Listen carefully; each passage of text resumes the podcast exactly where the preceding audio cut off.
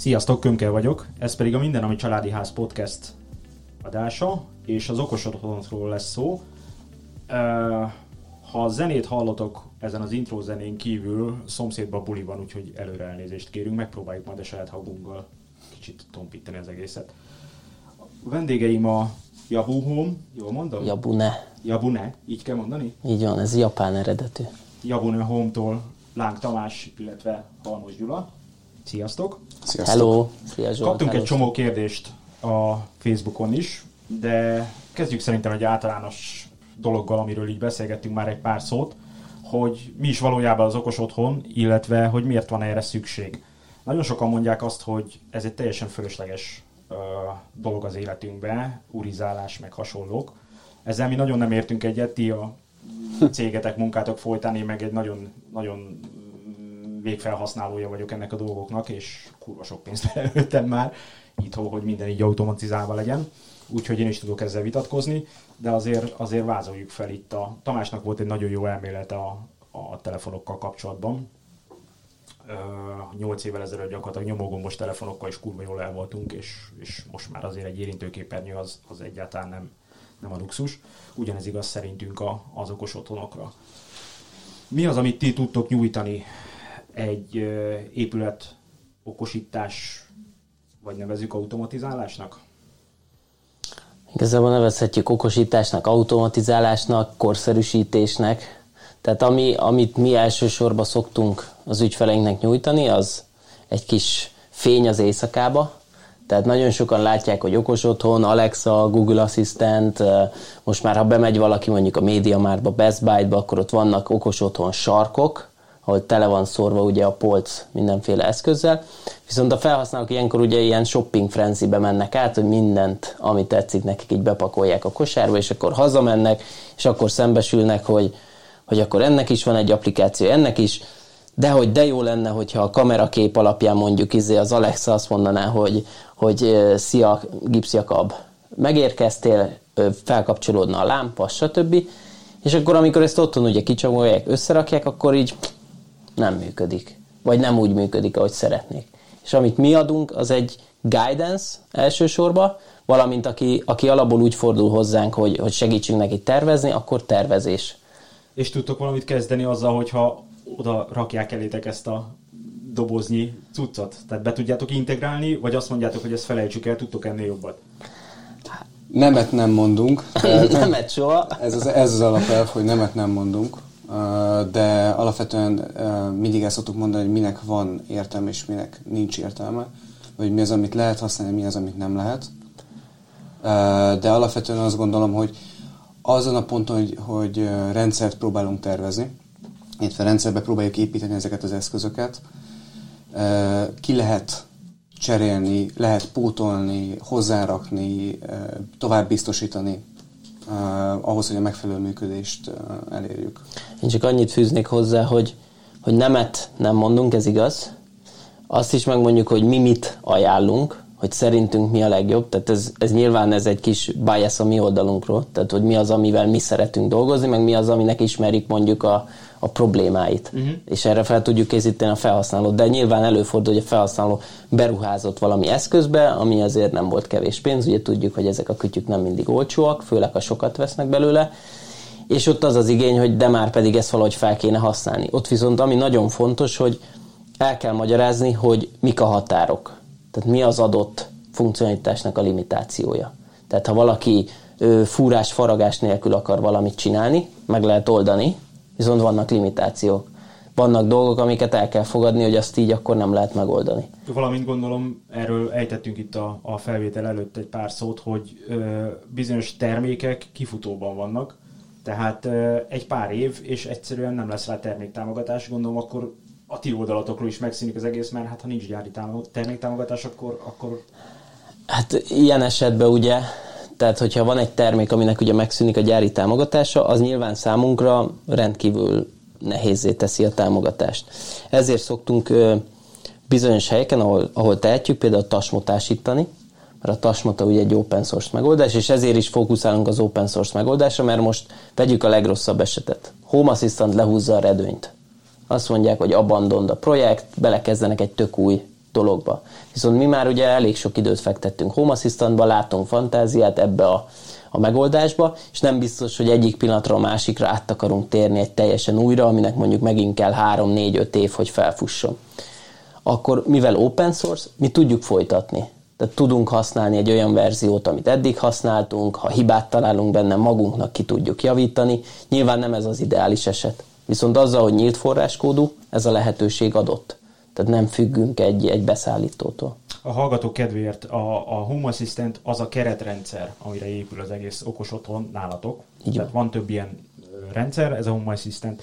Ezzel kapcsolatban jött ilyen kérdés, hogy mivel hogy ez, ez nyílt forráskódú, tehát open source az egész rendszer, hogy mennyire biztonságos tehát az open source az általában azt jelenti nagy többség számára, laikusok számára, hogy mindenki fejleszthet rá mindent, viszont ilyen szempontból meg nem tudják, hogy mennyire biztonságos kívülről.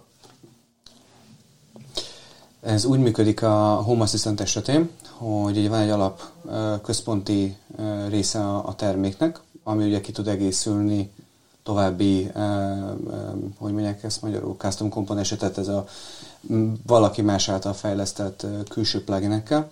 Most az a lényeg, hogy a, hogy a belső korrendszer az egy nagyon szigorú szabályrendszer alapján működik. Magyarán ez azt jelenti, hogy ha én akarok valamit hozzá fejleszteni, javítani, akkor nagyon szigorú szabályokon kell, hogy átmenjek, hogy azt én be tudjam rakni, vagy magyarán szóval be tudjam integrálni a, a központi részébe. Tehát van egy, van egy felső csekk, a, aki lecsekkolja a ti fejlesztéseteket. Sőt, sőt ez, ez odáig, megy, hogy, odáig megy, hogy van ennek, egy, van ennek egy automatizált gépi része, ami ellenőrzi a kódnak a minőségét, hogy teszteled stb. Meg van emellett ugye a humán, humán része, aki szintén ugye átnézi azt a kódot. Ugye a code review.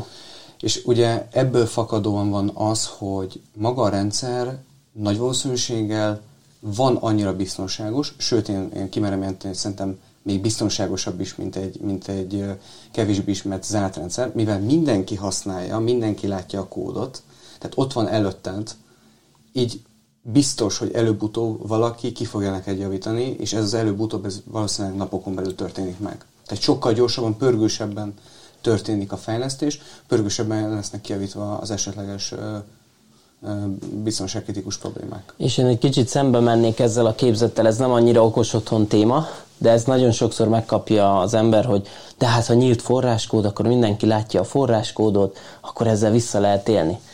Most ennek nyilván van egy olyan aspektus, hogy persze, igen, viszont ennek van egy hatalmas előnye. Azáltal, hogy nyílt a forráskód, hogyha talál benne valaki egy úgynevezett sebezhetőséget, akkor azt biztos nem csak ő találja meg, hanem nagyon sokan, és a közösség egyből ki tudja javítani. Míg hogyha egy zárt forráskódról beszélünk, akkor ott nagy valószínűleg egy hacker mondjuk ugye megtalálja a, a hibát, és a cég, aki a szoftver, lehet, hogy ők is megtalálják, de ugye ők már ott aggódnak, hogy milyen lesz a marketingje ennek, stb., és ők nem fogják ezt publikálni. Míg egy nyílt forráskódú rendszernél arra mérget vett bárki, hogy egy GitHub issue biztos lesz rá, GitLab issue, és egyből fel fogja kapni a, a közösség, hogy uh-huh. na most itt egy hatalmas hiba a Home Assistantban mondjuk. Még ugye például nagyon jó példa a Spectre és a Meltdown az Intelnél, ahol legalább nem tudom, két évig az Intel titkolta, pedig tudta, hogy van egy ilyen hiba a processzoroknál. És ugye azért titkolta, mert próbálták kitalálni, hogy mi lesz a, a, a workaround, hogy kommunikálják ezt majd az ügyfeleknek, stb. Ilyen ugye egy nyílt forráskodnál nincs, mert, mert teljesen nyitott. Én ezt úgy fogalmaznám meg, hogy tehát a nyílt forráskodó termék esetén brutál őszinteség van. Tehát egyszerűen nem teheted meg, hogy nem vagy őszinte, mert ott kín van minden az asztalon. És ö, értem, hogy a keretrendszer ilyen, de a benne keringő adatok, tehát például amit a kamerarendszer lát, amit ti beköttök, meg ilyesmik, ahhoz való hozzáférés sem tud így működni? Tehát, tehát ez... bocsánat, még egy szóval. Tehát a, a kínai cuccok, amik elárasztják a piacot, uh-huh. meg mindent, annál az a legtöbb ö, félelem, akikkel én beszélgettem, hogy hát a kínai szerverre mennek az összes Világos. adat, meg minden, és hogy ettől, ettől, ettől nem fognak beüzemelni egy kínai, hiába olcsóbb sokkal. Most ez, ez, ez azt hiszem, hogy a legjobb, hogyha egy példán keresztül megyünk, tehát hogy mondjuk adott a keretrendszer, és te mondjuk azt mondod, hogy Xiaomi eszközöket szeretnél használni, mert hogy az viszonylag olcsó, elérhető, gyorsan hozzájutsz, és pikpak össze tudod kattingatni. Na most maga a Home Assistant az nem fog hozzáférni a, a, a ezekhez az érzékelőknek az adataihoz, hogy te most mit tudom én, elmentél a konyhába, mert ott van mondjuk egy mozgásérzékelő, vagy kinyitottad az ajtót, mert van egy nyitásérzékelőd. Ha, ha ténylegesen attól félünk, hogy a kínaiak, tehát egy kínai szerverrel landol ez az adat, arra is van megoldás. Tehát például mi úgy szoktuk csinálni, hogy van a Zigbee, ugye ez az egyik fajta ilyen vezeték nélküli protokoll, több fajta is van, tehát ugye használnak Wi-Fi-t, ZV-vet, ebben az esetben, ami most a példa a Zigbee, van olyan megoldás, hogy teljesen lokalizálod a, a működést. Magyarán szólva, ki, csak és kizárólag a Home Assistant a, az érzékelővel kommunikál, és ennyi. Tehát nem hagyja el tulajdonképpen az otthoni hálózatodat. Ilyen esetben gondolom egy, egy központi számítógépet raktok be, egy, egy uh, Raspberry Pi-t, vagy valami hasonlót. Hát ebben az esetben az van, hogy ugye, a legtöbbször ugye Raspberry szoktunk ajánlani, mert annak viszonylag az árérték aránya, hogy mondjam, kompatibilis a, a pénztárcával. Mm. De van olyan, hogy aki azt mondja, hogy nekem otthon van egy regszekrényen benne egy Dell, mit tudom én milyen pizzabox szerverrel, tehát nyilván egy teljesen más kategóriáról beszélünk, úgy arra is fel tudjuk rakni. De a lényeg a lényeg, igen, jól mondod, tehát van egy központi számítógép, most ez egy pici, nagy szerves, stb., sőt, NAS is lehet igazából, um, és arra ugye felkerül a szoftver, és onnantól kezdve csak és kizárólag ott marad az adat. Tehát és ö, ilyen esetben gondolom nektek azért van távoli hozzáférésetek karbantartás miatt. Igen, és ezt akartam kiemelni, hogy ugye a kínai eszközöknél nem igazából az az elsődleges, hogy ők biztos, hogy ellopják az adatunkat. A kínai eszközöknél az a problémásabb rész, hogy ugye az, hogy ők betartják a GDPR-t a kínai szervereken, az megkérdőjelezhető. Mert nyilván egy szerver, ami Kínába található, most ott az európai ö, joghatóságnak nem lesz sok ereje, hogy ott most le kell törölni az adatokat. És ez ugye, tehát ezt úgy oldják meg kínai cégek, hogy bemutassák, hogy ők megbízhatóak, hogy általában mondjuk a felhőszolgáltatást használnak Amazon, Azure, stb., és akkor használják az európai régiót az európai ügyfelek adattárolására. A jelen esetünkben nekünk van ugye távoli hozzáférés, amit mi adunk az ügyfeleinknek, ugye a Home Assistantnak van a Nabukásza, mi ehhez képest adunk egy saját Yabune Home távoli elérés szolgáltatást, és nyilván ránk vonatkozik a GDPR, mint ugye Európai Uniós országban alapított cég, és megvan a megfelelő adatvédelmi tájékoztatónk, ahol az, az ügyfél meg is nézheti, hogy milyen adatokhoz férünk hozzá, miket meddig, meddig tárolhatunk, és ami nálunk tárolt adat, azt nyilván bármikor lekérdezheti bárki. Uh-huh. Ez van, amelyik kínai szolgáltatónál működik, aki Európával jobban megvetette a lábát, valamelyiknél nyilván annyira nem működik. Szóval mi ilyen szempontból a törvény oldalán állunk, tehát hogy transzparencia szerintem itt a legfontosabb. Annyival egészíteném ki a dolgot, hogy érdemes ketté választani, amikor adatot tárolunk. Tehát ugye például kérdezted ugye Zsolt a, kép, a kameraképet, ugye az volt a példa. Igen. A kamerakép, mondjuk készül egy kamerakép azért, mert van mondjuk egy mozgásérzékelés. Maga a kamerakép az, az, az, az a felhasználónak a saját e, otthoni rendszerén marad. Tehát az a mi távoli szerverünkre nem mentődik el. Tehát, hogy erre, erre nagyon odafigyelünk, tehát, hogy ami nálunk, el, ami nálunk tárolódik, az azok az adatok, amik ugye a telepítéshez, a karbantartáshoz szükségesek. Illetve nyilván néhány személyes adat. Uh-huh. De ettől függetlenül, ahogy a Gyula is mondta, ahhoz, hogy jól működjön a rendszer, ahhoz, hogy a szolgáltatást tudjuk adni, amit adunk, ahhoz szükség van ahhoz, hogy hozzáférjünk a rendszerhez távolról, nyilván ugye a felhasználónak az engedélyével, és nyilván ezen a ponton akaratlanul is, de hozzáférünk azokhoz, a, azokhoz az adatokhoz, amik ugye az okos, okos otthon rendszerből jönnek.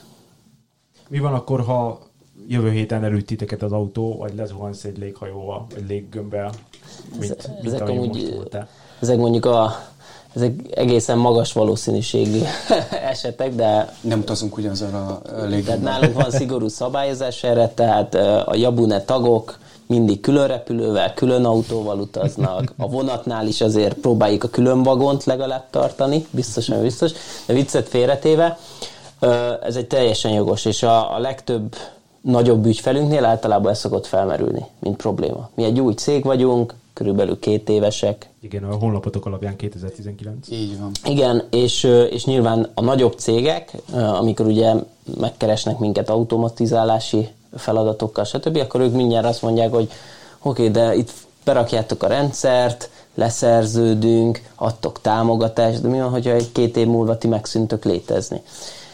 Ez nem hinném, hogy elő fog fordulni, de ki tudja, lehet, hogy egy meteor lezuhan és pont a, a mi házunkra, vagy arra a, a régióra, de erre én azt mondom, de hogy, mi, hogy nem. igen, reméljük, hogy nem, de a lényeg az, hogy mi a rendszert alapuló úgy építjük meg, hogy ez elműködik magába is. Tehát Home Assistantra épülünk, tehát igazából a felület az egy Home Assistant, amiben mi beleraktuk az automatizációinkat, meg raktunk köré automatikát. Mondok egy jó példát, most vezettünk be az új verziónkba egy olyat, hogy a nyitó felületen van egy kártya, ahol a felhasználó, tehát a kártya címe az az, hogy probléma bejelentés, vagy hiba bejelentés. És a felhasználó beleírhatja a kis nyűgét, tehát mit tudom én, a komódon a lámpa beragad, vagy a feljáróban nem vilá- ö, égve marad a világítás, stb., amit ugye automatizáció vezére, rákattint a mentésre, és az nekünk egyből kilő ö, egy üzenetet, és mi arról e-mailt kapunk, és egyből az automatizációink egy Jira-ba egy tikitet létrehoznak uh-huh. a felhasználóra. És akkor ugye nem kell telefonálni, tehát volt olyan felhasználónk, aki azt mondta, hogy hát már két hete nem működik a világítás. Mondom, "Hát Miért, miért nem szóltál? Ja, nem akartalak titeket zaklatni. De ezért találtuk ki, hogy valószínűleg egy ilyen felület, és eddig a tapasztalat az, hogy rendkívül szeretik, tehát hogy elég sok ilyen tikitet kapunk apróságok. És mit tudtok kezdeni a, a bocsánat, hogy ezt mondom a hallgatók miatt, de a hülye ügyfelekkel. Mindenhol vannak. Tehát aki, aki a végletekig macerás és, és halára vég, végtelen, végtelen türelem, ez az első, ez az első hozzávaló. Másodszorban ugye az a, az a tendencia, amikor van egy ilyen típusú ügyfél, hogy van egy pont a, a telepítés vagy a kommunikáció során, amikor így, így, így hirtelen elfogadja azt, amit javaslunk. Eddig ezek voltak legalábbis a, a tendencia. Legyen az azért, mert, mert, mert elkezd működni a rendszer, mert látja, hogy van értelme, mert, mert élménye van belőle. Tehát, hogy előbb-utóbb eljutunk arra az állapotra, még egyszer hangsúlyozom rengeteg türelmmel, hogy, hogy úgymond stabilizálódik a helyzet, és, és mondjuk nem minden egyes utolsó pici hibáért küld egy, egy hiba üzenetet nekünk. Ez odáig szerintem működni fog, meg működik, amíg kvázi ez az okos otthonos dolog még újdonságként hat. De amikor már a mi generációnk részére megszokott lesz, akkor szerintem előjönnek majd ezek, a, ezek az emberek. Ak- akkor kezdünk majd egy másfajta kevésbé őszinte, vagy kevésbé nyílt kommunikációba, de, de jogos, jogos. Én egy dolgot még, ha megengedtek csak a Gyulának a, a, a, a monológiára, hogy, tehát, hogy ha előtne minket az autó, vagy, vagy, vagy a busz, um, azt azért tudni kell, hogy nálunk van egy olyan vonal, hogy elkezdtünk alvállalkozókat beszervezni, amely alvállalkozók nem feltétlenül csak villanyszerelőkről, villanyszerelőkről vagy, vagy valamilyen szakiparosról beszélünk, hanem vannak fejlesztői alvállalkozóink, és van egy ilyen rövid távú terv, hogy amennyiben, amennyiben sikerül jutnunk egy olyan ö, fejlettségi szintre, úgy akkor ö, ezek az alvállalkozók is át tudják tőlünk venni majd a céget. Mondom még egyszer úgy, hogyha bármi Hát vagyis nem a ami- céget, hanem Hát a az cég- a eszköz, cég tehát a rendszerek karbantartását. Mhm, Értem. Tehát a céget nem adjuk át az alvállalkozónak, de igen. Jogos, jogos, Tiszta sor. jogos, elnézést. Mi a jellemző nálatok? Inkább meglévő épületek ö, okosítása, vagy, vagy inkább új épületek? Ezt ha most megengeditek, akkor ezt most megengedkezem. Nem volt még két egyforma. Tehát, hogy Mindig más. mindig más, de a válasz az az, hogy inkább meglévő, tehát inkább a meglévő ingatlanokat nek a felújításával, vagy mihez, bocsánat, okosításával találnak meg minket.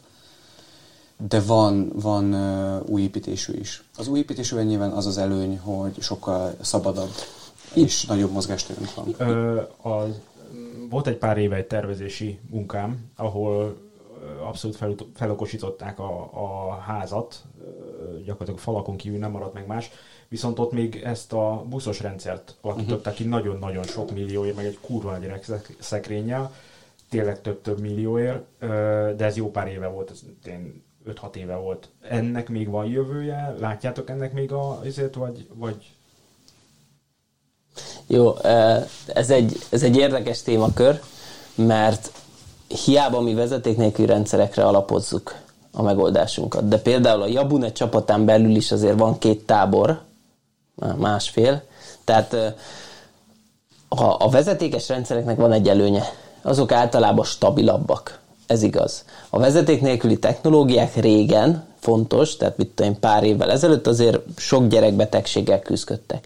De hogyha ránézünk a trendre a világba, IoT, Narrowband, Zigbee most járó. Zigbee, akkor Matter, a nagy cégek összeállnak egy alliance hogy vezeték nélkül technológiákba standardizálják, stb.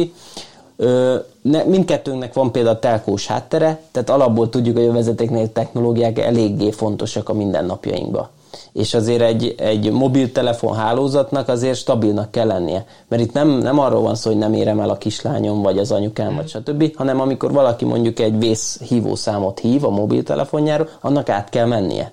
Tehát, hogy ott, ott garantálni kell a minőséget. És ez zajlik az okos otthon eszközöknél, úgyhogy én ezt inkább úgy forgatnám, hogy a buszos rendszereknek még mindig van jelentősége, de csak azok a buszos rendszerek maradnak hosszú távon életben, amelyek vezeték nélküli megoldásokkal bővíthetőek. Mert a vezeték nélküli megoldások kezdik elérni azt a szintet, hogy stabilitásban már felveszik a versenyt a buszos rendszerekkel, és kivitelezési költségben meg igen, épp ezt akartam mondani, hogy a honlapotokon van egy jó pár példa így ö, okosításra, és úgy nagyjából úgy visszaosztogattam a dolgokat. Ilyen 20 ezer forintra jön ki egy-egy szerelvénynek a felokosítása, vagy egy-egy, egy-egy szkenáriónak a felépítése. Azért egy buszos rendszer az már évekkel ezelőtt is több millió volt, tehát nem hiszem, hogy lejjebb ment ennek a Az ár biztos, hogy nem megy le. Tehát a buszos rendszernek tényleg az az előnye és hátránya egybe, hogy amikor úgy tervezed és építed a házat, hogy buszos rendszer, akkor az, az ott benne lesz. Tehát nem is tudom, itt volt egy ilyen régebbi ház, amiben pont beszéltem egy telepítő kollégával, ő Loxont telepít általában, és mondta, hogy bement egy házba, és okos otthon volt. De 80-as években épült a ház. Uh-huh. Okos otthon. És ott nem az volt, hogy még buszos rendszer se volt, hanem ilyen relék voltak berakva, de mindenre. És azokat lehetett mit tenni, távirányítóval vezérelni, stb. És, és akkor nyilván azt ő ott kicserélte, de ott az például tök érdekes, egy 30 éves ház, vagy nem tudom mennyi, és, vagy 40 most már, és, és ott működtek a relék. Tehát a bevezetékezett házban benne van az a lehetőség, hogy működik, viszont ha megnézzünk egy, egy mostani azért buszos relét, nagyon hasonlít a vezeték nélkül relékre. Tehát maga a relé része az nagy valószínűséggel ugyanaz. Igen, ez lett volna a következő, hogy, hogy gyakorlatilag én, amikor tíz évvel ezelőtt építettem a házat, akkor nekem még bőven kellett mélyített dobozokat berakni a kapcsoló, még hogy beférjen egyáltalán majd valaha ezek a cuccok, amik most tíz év múlva léteznek. Mit tudtok kezdeni azzal az épülettel, ahol nincs mélyített kötődoboz? Hát uh, nyilván ez egy, ez egy kellemetlenebb helyzet. A, a megoldás az az lehet, ugye, hogy nyilván vannak ugye rendes kötődobozok, vagy, vagy tényleges kötődobozok ugye fent a, uh-huh. a, ugye a felső síkjában a falnak. Egy, egy, egy opció lehet, a padlástéren ugye ezeket el lehet helyezni. Tehát van alternatíva, ahova el tudod helyezni a, ezeket az okos reléket. És ez a vezetékek újrahúzásával is jár? Uh, ugye ez megint csak ugye attól függ, jó mérnökies válaszképpen. Uh, amennyiben, ugye, tehát egy okos relének, egy úgymond standard okos relének ugye három kábel kell. Ez, tehát ugye nagyjából ugye, tehát földfázis nulla. Uh, és persze van olyan okos relé, ami, ami ez mondjuk csak kapásból kettő kell, tehát amennyiben mondjuk a villanykapcsoló környékén van legalább egy darab konnektor, akkor jó eséllyel olcsón meg lehet úszni a újrahúzást. Mert ugye csak összekötő mm-hmm. és tiéd a világ. Ha, ha minden kötél szakad, tehát tényleg azt látod, hogy, hogy itt, itt nem lehet okos elével játszani, akkor jönnek elő az alternatív megoldások, mint például okos izzó, tehát hogy nem maga a, a, a fizikai kapcsolót alakítod át egy okos kapcsolóvá, hanem ugye az izzót, vagy a lámpatestet, és ennek megfelelően ugye bármilyen más permutációban okosítod. Nyilván ezeknek is megvan a hátránya, mert hogy aki kevésbé intuitív egy okos otthonra és fog és lekapcsolja a lámpát, akkor onnantól nem lesz okos a lámpát. Igen, épp ezt akartam mondani, hogy az áramot megszüntetted, onnantól akkor kezdve, kezdve meg kell várni, hogy felbútól, így van, stb. stb. Így van, tehát ennek, ezek kellemetlen, kellemetlen uh, tények. És volt egy ilyen kérdésünk a a Facebookon, hogy létezik-e felmérés arra nézve, hogy az okos otthon szolgáltatásai közül, rohadtul visszhangzok, melyiket használnak leggyakrabban a felhasználók, és miket építettetek be feleslegesen, mert szinte soha nem használják.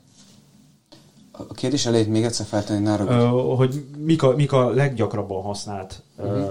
okos otthon szolgáltatások? Azt, azt kell, hogy mondjam, hogy szerintem tehát, hogy messze-messze a, a fűtés-hűtés az, amit a leggyakrabban, legalábbis számomra ez, ez érződik. Most nincsen pontos statisztikánk, de szerintem ez az, amit a de majd lesz, kérnek. De majd lesz. Tehát ez, ami a legtöbben kérnek, ezen belül is inkább a fűtés az, ami nagyon erős, utána jön De a... várj egy pillanatot, mit értesz fűtési okosításon? Mondok egy példát, mondjuk van egy, van egy családi ház, cirkó, kazán, padlófűtés. Ugye alapvetően a legtöbb esetben van egy komputern, úgymond buta termosztát, ami nyitja, zárja a kazánt, és, és ennyi. És jó esetben be van szabályozva a padlófűtés, de ez mondom a jobbik eset. Ehhez képest van egy olyan alternatívád, hogy azt mondod, hogy a padlófűtés ugye az körökre van osztva, és te azt mondod, hogy minden egyes kör, vagy bizonyos körök, azok ugye egy-egy zónát képeznek le, ami által tehát te meg tudod mondani, hogy az egyes helyiségeidet külön-külön milyen hőmérsékleten szeretnéd fűteni, és vagy hűteni. Mondjuk ebben az esetben persze nem lehet a hűtést külön.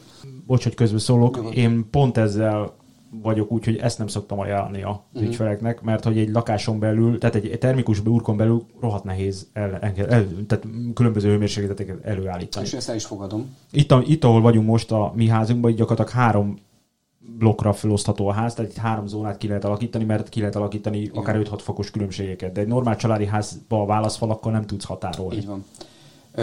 A hűtést azt értem, mert a hűtés az más, én most csak a fűtésre. Fűtésre Ezt el is fogadom, mert szerintem ez egy teljesen, teljesen jogos komment. Pont emiatt van például az, hogy van egy most egy aktuális kivitelezésünk, ahol mondta a tulaj, hogy ó, ő, ő minden helységet szeretne, és mit tudom én, van 12 kör fűtési köre. Uh-huh. És mondtam, hogy szerintem fölösleges lesz, se anyagilag nem fog visszajönni, se komfortérzetben.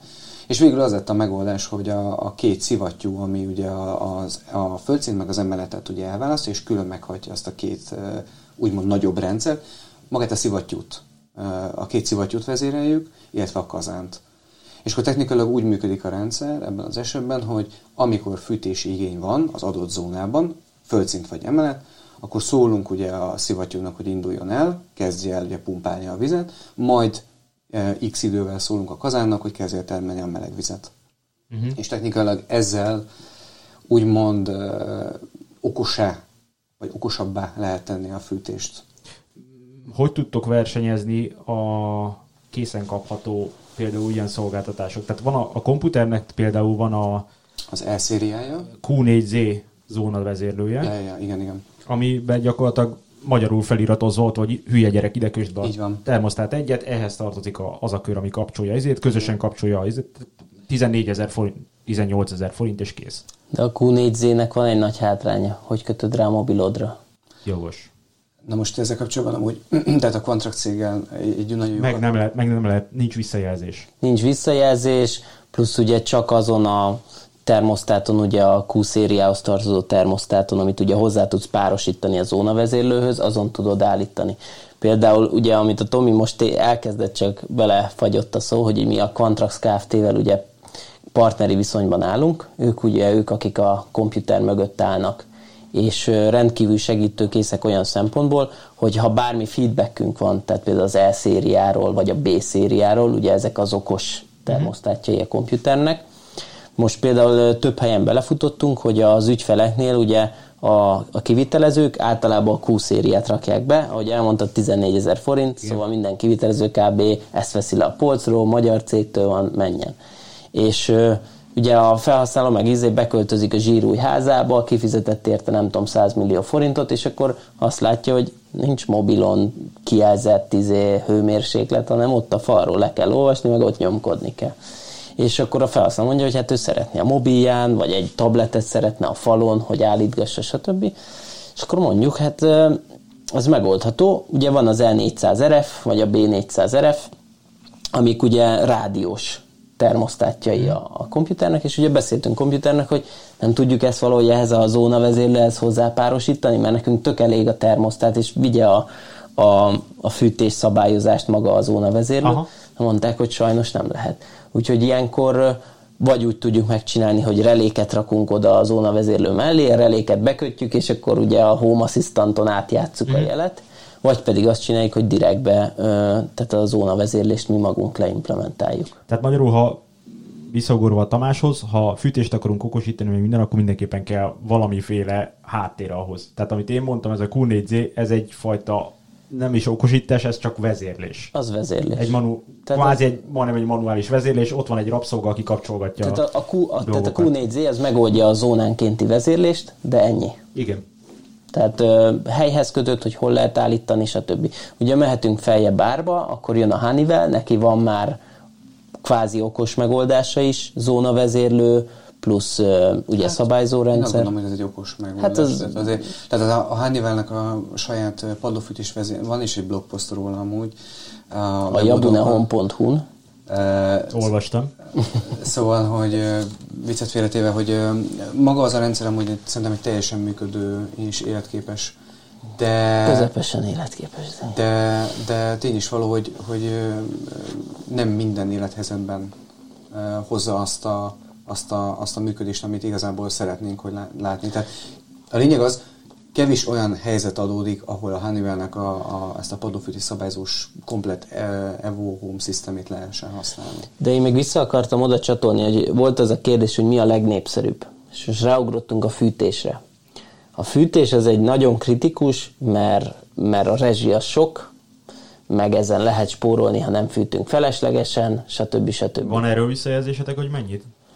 Ö, számok pontosan nem, de igazából most volt egy telünk az egyik ügyfélnél, ahol full ö, automatizáltuk, szóval igazából negatív feedback nem jött, a pozitívat majd meg kell kérdeznünk, hogy pontosan számba ő látott-e különbséget. Az a baj, hogy ő is akkor költözött be a házba, szóval nem tudom, hogy mennyi Aha. viszonyítási alapja van. De az tény, hogy az embereknél a fűtés az nagyon sarkalatos, és az egy olyan ö, időérzékeny dolog is, hogy ugye amikor jön a hideg, addigra ezeknek általában el kell készülnie. Tehát itt az okosításnak is addigra pöpeszül kell működnie, nem lehetnek malőrök, mert ugye, hogyha leáll a, az automatizáció, akkor hideg lesz a, a lakás, és mondjuk egy, egy masszív nagyobb háznak mondjuk az emeleti részét felfűteni, úgyhogy az alaksorban van a, a kazán, mondjuk nem biztos, hogy annyira egyszerű és gyors művelet. Tehát, hogyha az behűl, nem tudom, 16 fok alá esik, akkor, akkor abból lehetnek problémák, szóval ez mindenképp egy kritikus, és az legtöbb embert ez foglalkoztatja. Viszont, amit én láttam, és ez már több helyről, hogy amit a legjobban szeretnek emberek, az a, a mozgáskövetős világítás. És ezt ugye az ember felrakhat ilyen mozgásérzékelős lámpákat, amik szépen kapcsolgatnak, de egy ormótlanok, kettő, nem lehet őket nagyon szabályozni, maximum egy érzékenységet lehet általában rajtuk állítani.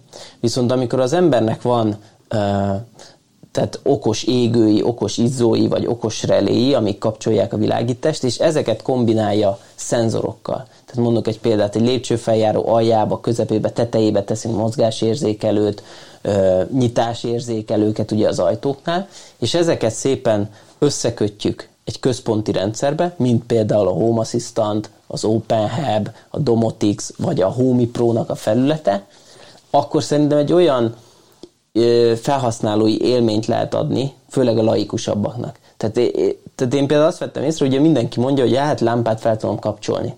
Amikor jól be van lőve az automatizáció, akkor elfelejtik felkapcsolni. Akkor az emberek sétálnak otthon, pakolnak a konyhába, és eszükbe se jut, hogy kapcsolják a lámpát, mert az otthonuk azt csinálja, amit, amit, amit kell.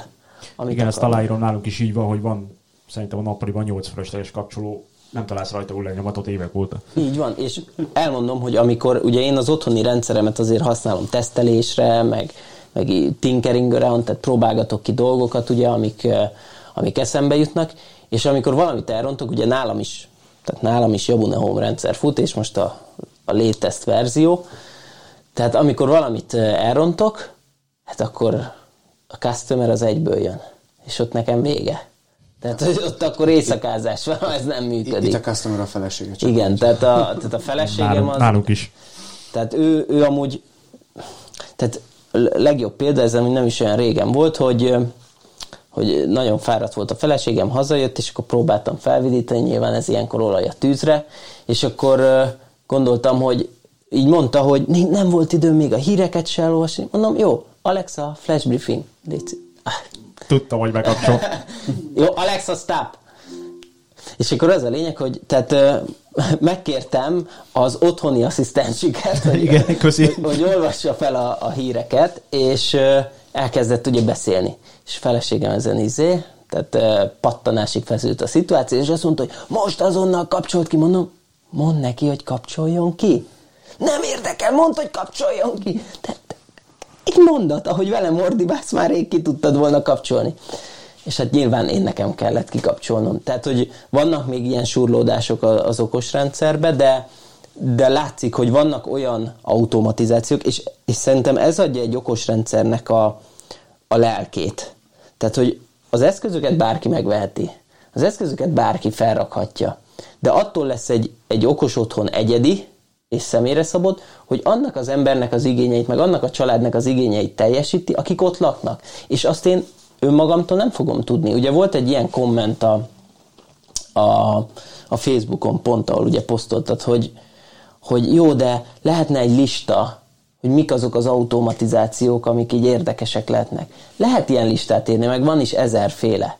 Csak amikkel mi szoktunk foglalkozni, meg szerintem a legtöbb, ügyfel, a legtöbb ügyfelünknél, ami előjön, az nekünk eszünkbe nem jutna. Az ügyfél mondja, ő ezt szeretné, és így gondolkodunk, én személy szerint egy kihívásnak veszem. Tehát, hogy, hogy ő elégedett legyen a végén. Tehát én azt szeretném, hogy amikor nem működik az automatizáció, sajnos előfordul, akkor azért hívjon, mert szomorú a család, hogy ez eddig tök jól működött, és most hiányzik nekik, hogy ezt akkor meg kéne csinálni. Akkor egy praktikus kérdés, illetve egy, egy olyan kérdés, ami felmerül. Ha használtok vezeték nélküli mozgásérzékelőt, vagy kapcsolót, vagy bármit, tehát vannak ezek a nyomógombok, és lemerül benne az elem, nálam Humi Pro van összepárosítva rengeteget, tehát az IKEA-nak az okos otthonrendszerével, Xiaomi-val, minden szarral, tehát mindent összevásároltam az ég egyet a világon fibaró.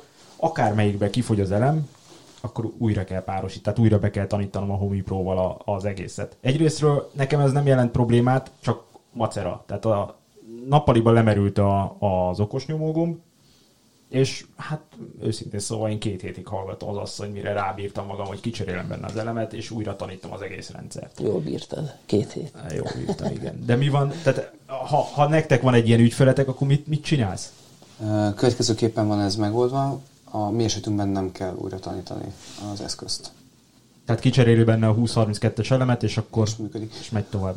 Na, csak egy nagyon, nem akarok nagyon a mélyre menni ennek a rendszernek, de hogy csak hogy értsük, hogy ez miért van. Tehát ugye a, legyen az Zigbee, Wi-Fi vagy ZA, mi az, bocsánat, Z-Wave protokoll, Ugye alapvetően mi nem a hubokat rakjuk le, hogy most legyen az egy IKEA Truth Fish Hub, egy Xiaomi Hub, mit tudom, tehát hogy ezek mm-hmm. a kis központi, tudod, a, azok a kis dobozok, amiket mindenképpen meg kell vegyél, hogy a, hogy a különböző vezetékek... Akár egy okos izzó is működik. Pontosan. Vagy pontosan. a Homi-nak az új nyilván, bridge ugye, az új ered. Nyilván ez jól ki van találva, mert így eladható plug and play a, az összes okos eszköz, amiket ugye leraksz ilyen szenzorok. Mi esetünkben ez úgy működik, hogy a központi egységben, tehát ebben az, legyen az egy szerve vagy egy pici számítógép, USB stick, tehát USB kis kütyű, vagy magán az eszközre rá van ültetve egy nyák pluszba, ami fel tudja dolgozni. het. Het, így van. Csak nem akarok tényleg nagyon a mélyre menni, szóval a lényeg az, hogy ez ugye fel tudja dolgozni a Zigbee-t, meg az IV-vet. A Wi-Fi az ugye adott, mert ugye az a belső hálózat. És a lényeg az, hogy ezzel a megoldással meg azzal a szoftverrel, amit ugye, ami, amit ugye szintén nyílt forráskódú, mert ugye ez a Home Assistant mellett van, meg lehet azt oldani, hogy ne kelljen folyamatosan újra tanítani az eszközöket. Igazából független a Home Assistant-tól, csak van közös fejlesztő uh-huh. grup, aki ugye az Zigbee MQTT-ről beszélünk, meg az eWave.js Igen, csak mondom, nem biztos, hogy ez már, ez már lehet, hogy túlságosan ez mély téma. A, a lényeg az úgy kell képzelni, hogy van a, van a Home Assistant doboz, mellette van másik még két doboz, ami, me, ami megérti az Zigbee-t, meg megérti az eWave-et. Aha és ennyi. És akkor az a két doboz úgymond felküldi az adatot a Home Assistant doboznak. És ezt most így nyilván mutogatom a podcastbe, de nem biztos. Jó, a Tamás mutogat a kezével, rendkívül látványos. Jó, tehát uh, én ebből az egészből azt szűröm le, hogy nekem gyakorlatilag minden héten kurva sok izén van, elemes eszközön van. Tehát ha itt körülnézünk, itt is van egy csomó benne. Hobby. Nekem szinte minden héten van egy elemcserém, újra tanításom. Jól el vagyok vele, de tényleg rohadt idegesítő, amikor ben vagy egy határidős munkában, és tényleg két hétig uh-huh. gyakorlatilag a nappali csak a hangasszisztenssel működik, majdnem kimondtam meg, hogy elkezdeni trinyálni. e, és, és például a gyerek, 8 éves kislány nem mindig szeret az Alexával kommunikálni, mert, mert nem, angolul kell, hanem szereti nyomogatni a nyomógombokat, mm. és ha az le van merülve, akkor, akkor nem kapcsolja le a villanyt, hanem ott hagyja, és akkor basszus. Egy, egy kérdésem, hogy legyen egy, egy provokatív kérdés. A Homitól kapsz üzenetet, hogyha lemerült az elem? Ö, igen. Igen. Most, ö, most már újabban. Tehát ez egy pár hónapja jelent meg ez a feature benne, nyomja a push üzeneteket, Igen. hogy, hogy merül az elem. Már az is, hogy merül, nem csak az, hogy merült, de pont ez a problémám, hogy kiveszem belőle az elemet, tök mindegy, hogy 5 másodperces szabály, vagy akármikor rakom vissza az új elemet, azt újra kell tanítani. Igen. Elfelejt mindent, és ráadásul nem csak a nevét felejti el, hanem a beállított flowkat Aha. is. Tehát mindent újra kell programoznom. Tehát, hogyha egy kapcsolóhoz van rendelve 10 esemény, akkor mind a 10 eseménybe át kell írogatnom újba, újból az egész. Igen. Igen, igen. I- ilyen szempontból, tehát igazából tudom, hogy volt egy ilyen kérdés, hogy mi miért csak Wi-Fi-t használunk, és majd visszatérhetünk erre, de pont ö, hát az elmúlt egy évben azért kezdtünk nyitni más szenzorok irányába, tehát nem, meg más protokollok, tehát mi Wi-Fi-vel kezdtük, én ezt így inkább úgy mondanám, főleg vezeték nélküli az irány, első körbe ZIV felem in- indultunk el, ügyfél miatt első körbe, Egy társasházi tehát vonal. egy társasházi vonal miatt. Szerintem azt is érdemes elmondani, hogy miért ZV volt, mert ez szerintem egy érdekes. Igen, ugye a társasház, tehát azt kell tudni az IV-ről, az Zigbee-ről, mi a különbség köztük. Az egyik legnagyobb különbség, hogy teljesen más sávszélességen működnek. Ugye az Zigbee az sokkal közelebb van a, a, a 2.4-es Wi-Fi-hez, ugye 2,45 század gigahertzen zümmög az Zigbee, míg az IV az ugye egy sokkal uh, oldschoolabb rádió protokoll, és ez a 868,2 MHz itt Európába, 900 valamennyi ugye Amerikába, és Z-Wave az amúgy azt kell tudni, hogy Észak-Amerikában nagyon népszerű. Tehát az otthon okosítás 2000-es években már Z-Wave kapcsolók, meg stb.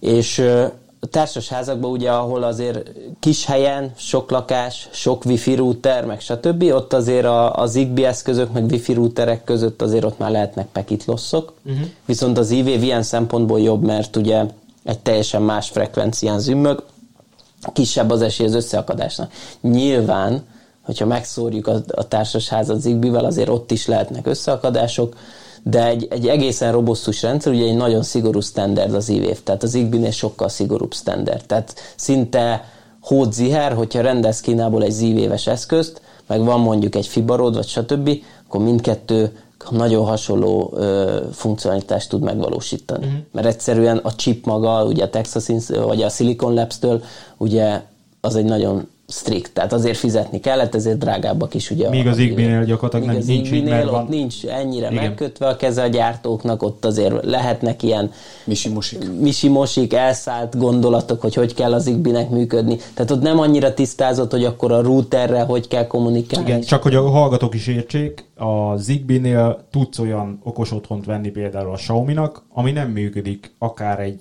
akármilyen okos otthon hubbal, hanem csak a Xiaomi-nak a dedikált cuccával. Tehát hiába van az, hogy a Zigbee az egy nemzetközi protokoll, kurvára nem fog együttműködni egymással a dolog. Ebbe is belefutottam, akinek kell, van egy szatyornyi ilyen. Eladó itt boiler szintén. Igen. De ez a lényeg, hogy mi nyitottunk ezek a protokollok irányában, mert megláttuk bennük a fantáziát. Most is volt egy ügyfelünk, aki ő Zigbee-be látta meg a fantáziát, viszont nála is voltak kihívások, mert a Zigbee-ről azt kell tudni, hogy úgynevezett mesh hálózatot alkot. A mesh hálózatot ez talán úgy a legegyszerűbb lerajzolni, mint egy pókháló, tehát minden eszköz egy, egy metszett pontja a pókhálónak, és igazából nagyjából mindenki mindenkivel össze van kötve, hogy közepesen igaz, mert ugye az akkumulátorról vagy elemről működő eszközök, ők csak végpontok, viszont ami be van dugva a konnektorba, vagy be van tekerve a foglalatba, ők ugye router, tehát tulajdonképpen ők tudnak mindenkivel kommunikálni, és van a koordinátor, ami vagy egy hub, vagy maga az, az USB stick a mi esetünkben.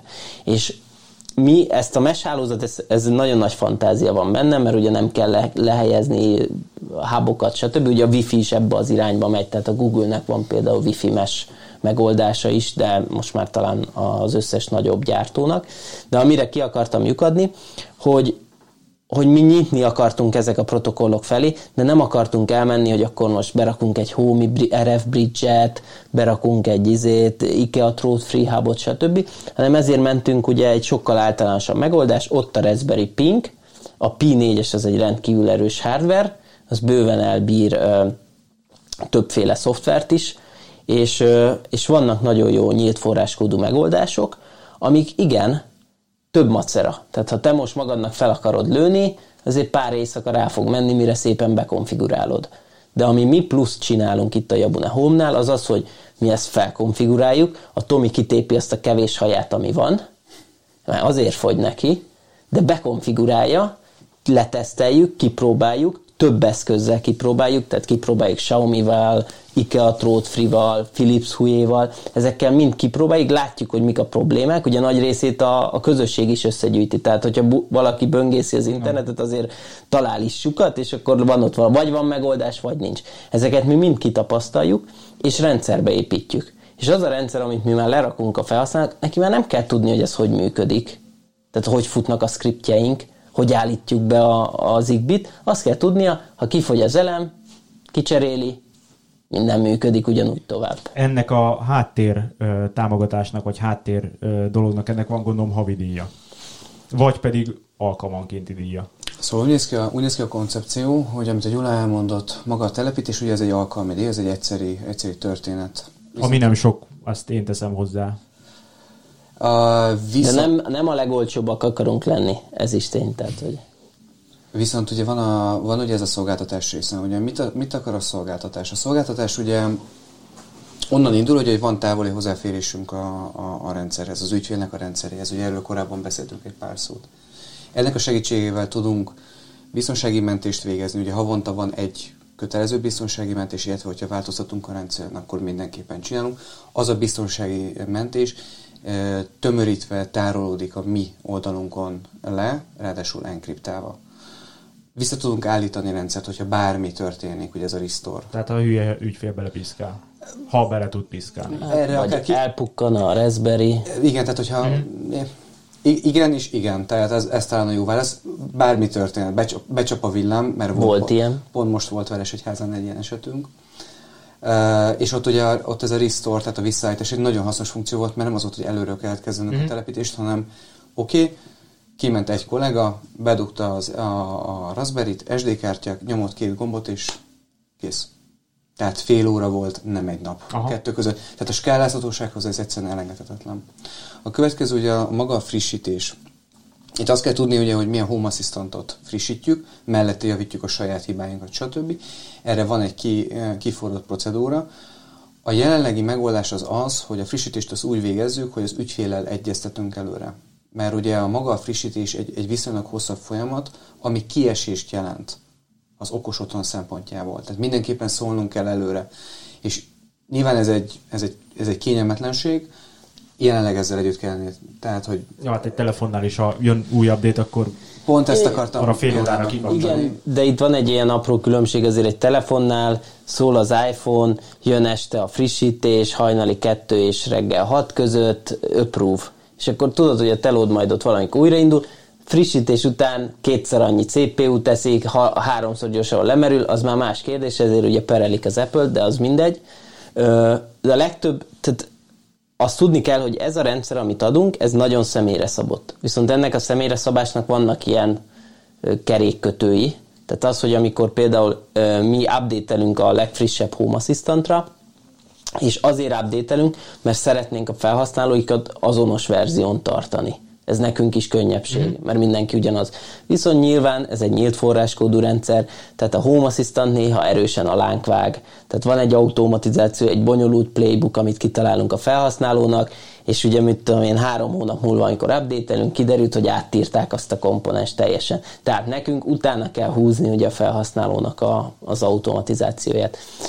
Ezen dolgozunk, vannak ötleteink, hogy ezt hogy tudjuk gyorsítani. Mi ugye tehát fejlesztők vagyunk, mérnökök, tehát a mi megközelítésünk, amit lehet automatizáljunk, és általában, ha valamibe, ha valamibe azért hibázunk, mert ritkán csináljuk, akkor automatizáld le.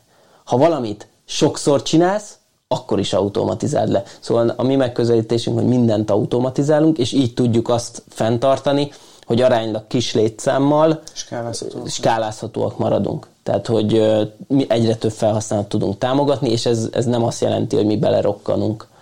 A saját tapasztalatból kérdezem, hogy ö, például, ha beépítetek egy, egy fibarót, vagy shellit, vagy bármilyen eszközt, annak van egy gyári update-ja általában. Én látom a Homi Promo, hogy mit én három-négy naponta érkezik. Az automatikusan frissül be annak az eszköznek, vagy nektek kell jóvá hagyni a Home Assistance-en keresztül? Alapból a Shelliknél ugye nincs automatikus update, vagyis be, nem tudom, hogy az újaknál az új firmware be lehet állítani, szerintem nem. nem. Ö, és nem is szeretnénk, ha így lenne. Uh-huh. Mert nagyon sűrűn előfordul, Érthető, hogy, hogy eltörnek dolgok, és akkor van, hogy villog a lámpa, meg stb. Általában az szokott lenni, ez egy, ez egy tipik mérnöki best practice, ami, ami működik, ahhoz ne nyúlj. Tehát általában a firmvereknél ez van. Tehát volt egy, egy nagyon jó példa, amin ezt mi saját bőrünkön duplán megtanultuk. Tehát voltunk egy ügyfélnél, ahol uh, már rég ki volt telepítve egy masszív shellis rendszer, tehát 30 plusz shelly relé, tehát egy, egy, tehát egy full családi ház, és villámkár volt. De a villámkár nem, a, nem az elektromos hálózatba ö, csapott be, hanem a, a távvezetékbe. Tehát ugye a Modelman routeren uh-huh. keresztül minden IP-re kötött eszközt touchra vágott és akkor nyilván az okos otthon is. Tehát az okos otthonnak ez egy hátránya, hogyha nincs jól leválasztva a hálózatokról, tehát nincs egy, meg, egy szünetmentes vagy valami által leválasztva, akkor ezek elő tudnak fordulni. Azért azt zárójelben hozzáteszem, hogy a Shellig túlélték. A, a Shellig mind túlélték, tehát a shellig nem volt baj, a központ az már nem, nem bírta mhm. ennyire jól, de amúgy a központot se kellett cserélni, de például a, a switchet, amit használtunk, az AP-t, a Wi-Fi, ez azok mind gajra mentek, így hát nyilván a, a Shellig se tudtak kommunikálni, mert nem volt Wi-Fi hálózat, de amit akartam mondani, hogy akkor már ott voltunk, restore, újra raktuk a rendszert, és akkor ott nézzük, hogy hát a Shellig már egy izé, három hónapos firmware vannak. Toljuk fel létesztre. Feltoltuk a létesztre mind a 30 Shellit, nem jönnek fel Wi-Fi-re kimentünk egy egyórás munkára, és ott vagyunk, és semmi nem működik, mert semmi nincs a wifi-n. Nézegetünk, kutakodunk, izé, benne vagyunk ugye a Shelly angol csoportban, az öreg Dimitárral már köszönő viszonyban vagyunk, tehát annyiszor zaklattuk shelly problémákkal. És hát így olvassuk, hát mondja Dimitár, hát TP-Link routereknél az új verziónál van, hogy nem tud rámenni a wifi-re. Mondjuk ez így jó. Mi az opció? Hát mindegyiket reset, és akkor át kell húzni Korábbira. korábbi firmware Azt le kell tölteni egy a Shelly fórumról, és akkor ott szépen írtuk a kis skripteket, hogy kézzel ugye update-eljük a Shelly-ket a megfelelő verzióra, ami, ami működik a tp linkkel. Így az egy órából, ami ugye a restore volt, lett egy négy óra, és azt nyilván nem számlázhattuk ki, mert alapból hát nem kellett volna hozzányúlnunk, tehát az a plusz három óra azt így grátis nyilván a mi hibánkból be kellett vállalni. De hogy, hogy ilyen szempontból úgy vagyunk ezekkel a firmware hogy csak akkor update-elünk firmware hogyha vagy behozol olyan feature-t, amire szükség van, vagy stabilitás, vagy biztonságírés, uh-huh. ezek nyilván akkor, akkor nem kérdés. De amúgy ezeket inkább hagyjuk. Az egyedüli kivétel a tasmota, tehát azok a rendszerek, ahol tasmatát szupportálunk, ugye mi használjuk a Tasma Admin integrációt, nem integrációt, tehát Tasma Admin szolgáltatást beépítettük a rendszerünkbe. Aki nem tudná, ez csak a Tasmata eszközöknek egy felülete, amin keresztül könnyebb kezelni őket. És az a lényeg, hogy ezeknél az eszközöknél mindig felmegyünk a latest, greatest firmware mert a Tasmatánál sok jó feature bejön, és arra ott szükség is van általában és nagyon nagy pro, tehát az a baj, hogy a Tasmatánál a, az update az ilyen több lépéses, tehát a hatos verzióról lesz, először csak a hetesre tudsz felmenni, a hetesről csak a nyolcasra, a nyolcasról csak a kilencesre, emiatt sokkal jobb, hogyha mindig a léteztem vagyunk, mert akkor, hogyha van valami, akkor tudjuk, hogy egy kattintással fel tudunk menni. Akkor a piszkos piszkos része. Mit Igen. jelent ez egy Igen. családi ház szinten? Nem kell konkrét összeg, csak tízezrekről beszélünk havi szinten előfizetésre? Nem. Még, még egy gondolatot kiegészíteni, mert egy dolgot nem beszéltünk meg, az az ügyféltámogatás ami úgy néz ki, hogy 70, tehát a maga a szerződés az úgy van, a szerződésben úgy van leírva, hogy 72 órán belül reagálunk az ő hibájára. És ha mondjuk alumínium redőnyök redőnyvezérek le vannak húzva. Van, vannak kivételek. Automata ajtóval. Van, vannak Vagy nála fűtés okay, dec- december 27-én, akkor igen. Poén a poén, de közben meg valós, tehát hogyha leáll egy fűtés, már pedig volt már ilyen, tehát hogyha van egy annyira egyedi és, és hogy mondjam, problémás rendszer, mert van ilyen sajnos, tehát ezzel együtt kell élni. Nyilván egy fűtésnél reagálunk az éjszaka kellős közepén, és hogyha arról van szó, mert nem akarjuk, hogy megfagyjon a gyerek vagy a, vagy a család. Na, ez úgy néz ki, hogy 3000 forint havonta. 2999. Mm. 2990, de Jó, igen, tehát, de köszönjük a, a Tesco-s reklámot. Igen, tehát így néz, így néz ki egy havidíj uh-huh. egy, egy családi háznál. Ami fontos, hogy nem növekszik azáltal, hogy skálázódik felfelé a rendszer. Tehát, hogyha neked van egy 40 négyzetméteres panellakásod, vagy van egy 200 négyzetméteres, nem tudom, bővített kádárkockád, a példa kedvéért, ugyanúgy 3000 forint. Mert hogy a mi szempontunkból nem akkora különbséget jelent a mhm. rendszer. Uh-huh nek a, a bonyolultsága? Ezt azzal egészíteném ki, hogy nem növekszik, tehát a ház méretétől független, viszont hogyha vannak olyan extrém egyedi kérések, amikre mi azt mondjuk alapból, hogy ez nekünk nem része az alapcsomagnak. Mondok egy példát, nem kéri a raspberry az ügyfél.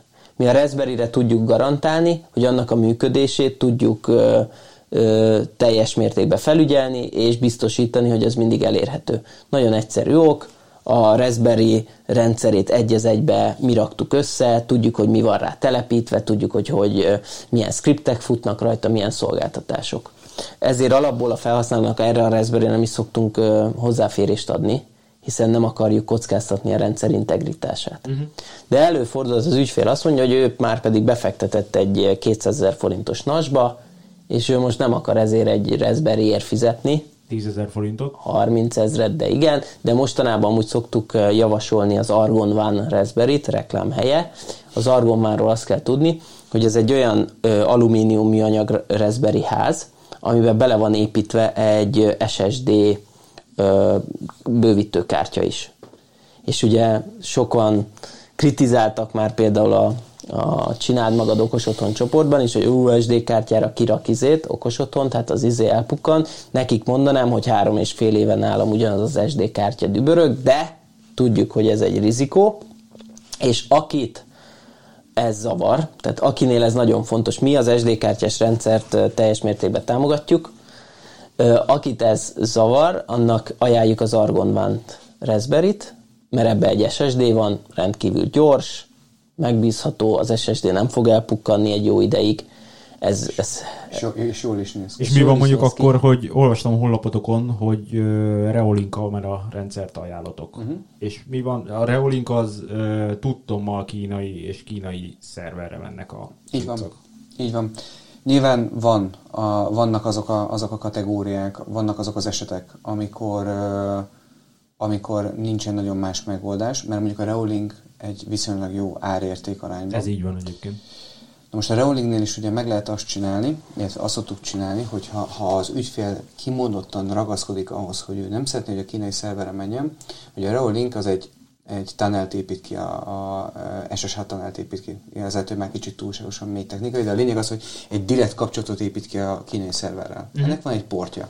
Azt a portot le tudjuk tiltani az ügyfélnek a saját routerében, hogy ne lásson ki, Ellenben ugye mi lokálisan kapjuk el a, a videó streamet, tehát a videónak az anyagát, a képi anyagot, és utána azt a mi vpn keresztül meg tudja nézni. Uh-huh. Tehát gyakorlatilag ugyanazt a funkciót megkapja a kínai szerver nélkül. Pontosan. Gyakorlatilag. Tisztes. Tehát van rá, van rá megoldás, van rá alternatíva. Teszem hozzá, hogy ilyenből, ilyenből azért elég sok különböző igény szokott lenni. Mondok egy másik példát. Paradox riasztót tudunk integrálni, tehát meg tudjuk szólítani a paradoxot, látjuk a mozgásérzékelőket, nyitásérzékeket, stb.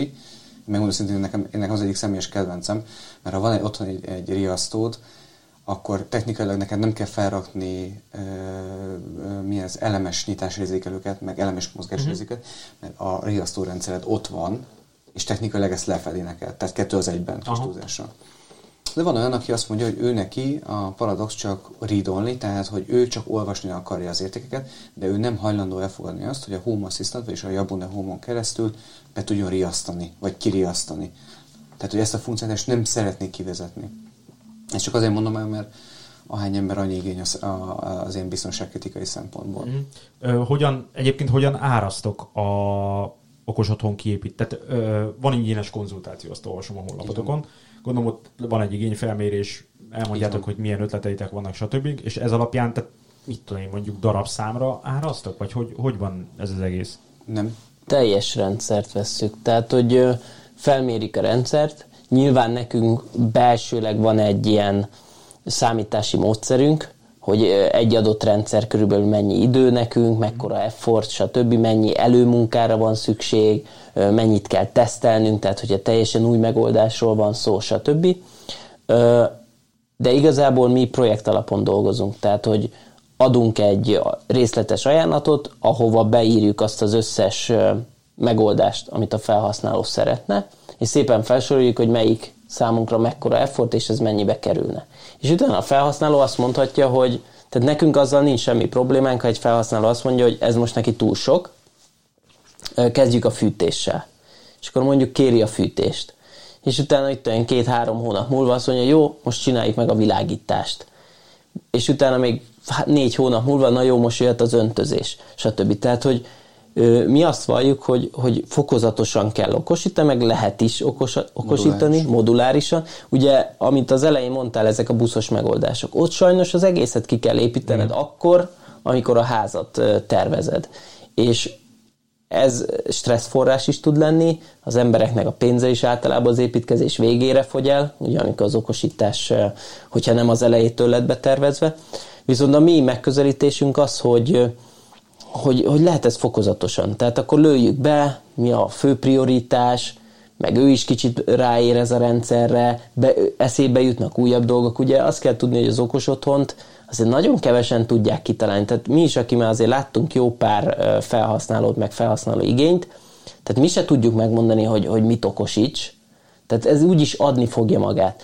Mindig azokra kell gondolni, a monoton cselekvés, stb. ezeket ki lehet váltani, ha nem túl bonyolult és, és általában az szokott lenni, hogy berakjuk a rendszert, a felhasználó használja, és, és akkor utána visszajön hozzánk, hogy srácok, akkor a Hunter izé beázott, és akkor cseréljük le. Akkor van-e öntöző, valami ötletetek? Öntöző, öntöző, tehát öntöző Nekem rendszer. Van, igen. És akkor, hogy, hogy tudtok-e valamit ajánlani? Tehát, hogy nekünk már az is pozitív, hogy, hogy a felhasználók ö, elismerik a tudásunkat, és megkérdeznek minket. Tehát általában azt szoktuk mondani a felhasználók, ha nem is akar tőlünk semmit venni, de mondjuk a mi rendszerünkhöz akar bővíteni eszközt, legalább egy e-mail dobjon, hogy mi a véleményünk erről. Igen, ezt akartam pont kérdezni, mi van akkor, hogyha mondjuk te beárazol egy, egy Fibaro füstérzékelőt, most pont azzal szemezek, ami azt hiszem 17 ezer forint volt. Az ügyfél meg a xiaomi a honlapján megtalálja hasonló füstérzékelő néven 6000 forintért. Tehát, hogy beleintegráltok-e nem feltétlenül szarabbat, de olyat, amit egyrésztről nem ismertek, másrésztről meg nem biztos, hogy van. Ezt, úgy, ezt úgy, úgy választjuk szét általában, hogy amikor, tehát mi csak olyasmire adunk ajánlatot, tehát mi tehát vállaljuk azt, hogy beszerezzük az eszközöket, hogyha az ügyfél szeretné, de az ügyfél is beszerezheti, hogyha cégre akarja venni, meg, meg tudja szerezni olcsóban, stb. Viszont nyilván, amikor mi szerezzük be az eszközt, azért mi vagyunk felelősek. Mind a beépítésért, mind az üzemelésért, stb. Várja, lehet, hogy nem voltam egyértelmű. Tehát mi van akkor, hogyha ö, te mondjuk nem dolgozol, most nem tudom, hogy nem dolgozol, de mondjuk tegyük fel, hogy nem dolgozol a xiaomi a mi rendszerével, vagy a akvarával, vagy hasonlókkal, amik mostanában jöttek ki a piacra, és az ügyfél ezt szeretné beépíteni mégis. Hát ilyen, ilyenkor az szokott lenni, mondok egy példát, jó, mert hogy szerintem az, az, azzal lehet jól szemetetni. Van egy, van egy jelenlegi megrendelőnk, akinek bekeredőnyei vannak. Na most a bekeredőnyökről azt kell tudni, hogy életünkben nem láttunk még bekeredőnyt. Nem is hallottam még róla. Rádiós bekeredőny. Rá, rádiós bekeredőny. Tehát volt már dolgunk smart home redőnye, volt már dolgunk szomfival sajnos, már bocsánat, de hogy így, tehát minden... Meg minden, lesz is még. Meg lesz is, tehát hogy elég sokat lettünk, de például pont a bekeredőnyen nem volt. Ugyanennél, a, ugyanennél az illetőnél, mide a klímával se volt még dolgunk soha, Ilyenkor történik az, hogy amennyiben a rendelő, megrendelőnek úgymond kötött a helyzete, akkor megindul egy projekt, megindul egy ilyen, ilyen hogy mondják ezt, nem, nem stádia, hanem tehát ilyen, ilyen kutató jellegű hát kutató munka, kutató munka, ami úgy néz ki, hogy ez technikailag úgymond a saját költségünkre történik, valamelyikünk leül egy este, elkezdi böngészni a netet, összerakja az alapján az információ alapján, amit talál, berendeli, kipróbáljuk, és hogyha működik, akkor megyünk tovább. Mondom ezt úgy, hogy ha nincsen más alternatíva. Hú, nagyon naívak vagytok. Az elején vagyunk még. Én építészként mondom ezt, tehát amikor engem Elején megkeresnek egy izébe, hogy ilyen házat kell tervezni, és, és életemben nem terveztem ilyet, akkor azt mondom, hogy ezt elengedem az meg, mert mire beletanulok, és mire jön egy következő ügyfél ugyanezzel a dologgal, eltelik 20 év. De ez a kulcs szó. Mert például egy Xiaomi eszköz azért nagyon népszerű. Igen. Tehát, hogyha nem foglalkozunk Xiaomi-val, csak mondjuk Fibaróval, akkor ugye tehát azért nagyon sok ember bevásárolt. Tehát nagyon sok olyan ügyfelünk is volt, aki bevásárolt, tehát megnyílt a Xiaomi bolt a Lurdi házba, bement, és minden mozdítható okos eszközből vásárolt. Engem is névről ismernek szerintem. És, de épp ez, hogy, hogy amikor ez így van, tehát hogyha mi azt mondjuk, hogy mi már pedig Xiaomi, az nem nyúlunk, akkor ugye elvágjuk magunkat mm. egy, egy, egy rétegtől, és ez nem is egy kis réteg feltétlen. És azért a Xiaomi eszközökkel az van, hogy főleg a hubbal azért az embereknek van baja. Szerintem te is tudsz erről mesélni. Hát, persze. Viszont mi be tudjuk őket rakni annak köszönhetően, hogy ezek nagy része zigbis eszköz, ezeket mi rá tudjuk kötni a rendszerünkre, és igazából nem lesz közte különbség. Tehát mindegy, hogy, hogy xiaomi van, IKEA-d, Philips Huéd, vagy valami kínai cucc, aminek a nevét se tudod, de zigbee kommunikál, mert a mi rendszerünkben teljesen ugyanúgy fog mindegyik működni. Tehát, hogy stabil lesz, nyilván az eszköznek van egy élettartalma, de azt mi nem tudjuk befolyásolni. Mi van akkor, hogyha ha ti általatok üzemeltetett és, illetve felügyelt és kiépített okos otthont eladja a tulajdonos, és a következő tulajdonosnak nincs szüksége a távoli hozzáfér, tehát arra, hogy ti szolgáltassátok a, az egészet, csak működik, ami mű, mert ő úgy gondolja naiva, hogy működik, ami működik, távfelügyelet minden nélkül, és lemondja az egészet. Ez mindjárt elmondhatja Tomi az ő véleményét. Ilyenben még nem futottunk bele nyilván, ötletünk van. Hát e, ilyenkor szerintem elsősorban az van, hogy nyilván, hogyha az ügyfél eladja a házat, reméljük, hogy egy ilyen e, információcsere zajlik köztük, és az okos otthonnak elmondja, hogy itt a szerződésem a Jabunehommal, itt az elérhetőségük a srácoknak, ha nem működik a világítás, akkor őket hívt. Szóval ez a minimum, amit, amit elvárnánk nyilván, és akkor ez az ügyfél felhív minket, hogy jó, neki nem kell az okos otthon, nem akar havi 3000 forintot, akkor nyilvánvalóan amit tehetünk, az az, hogy átadjuk neki a rendszert, tehát nyilvánvalóan a új ügy, felhasználót adunk hozzá a rendszeréhez, amit ő tud használni, viszont onnantól hozzánk már nem tud jönni.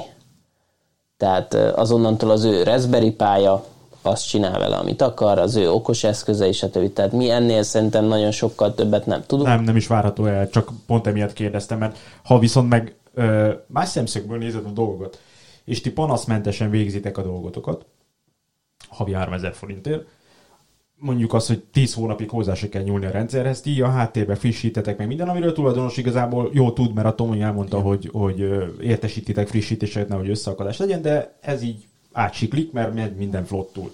És 10 hónapos ilyen dolog után ő eladja az ingatlant, és azt fogja mondani az ügyfélnek, a vásárlónak, hogy figyelj, itt van egy problémamentes izé, fizetek rá havi 3000 forintot. Mikor hívtad őket utoljára? 10 hónapja. Mert ti kurva jól a háttérbe el, el vagytok, mindent. Tehát egy kicsit más az emberek gondolkodás, azért kérdeztem csak, hogy, hogy nem biztos. Tehát ő azt fogja mondani, hogy az még amikor lehet, hogy 10 hónapig én nem fizetek ki 30 ezer forintot, hanem a 11. hónapban fölhívlak téged, hogy gondom van.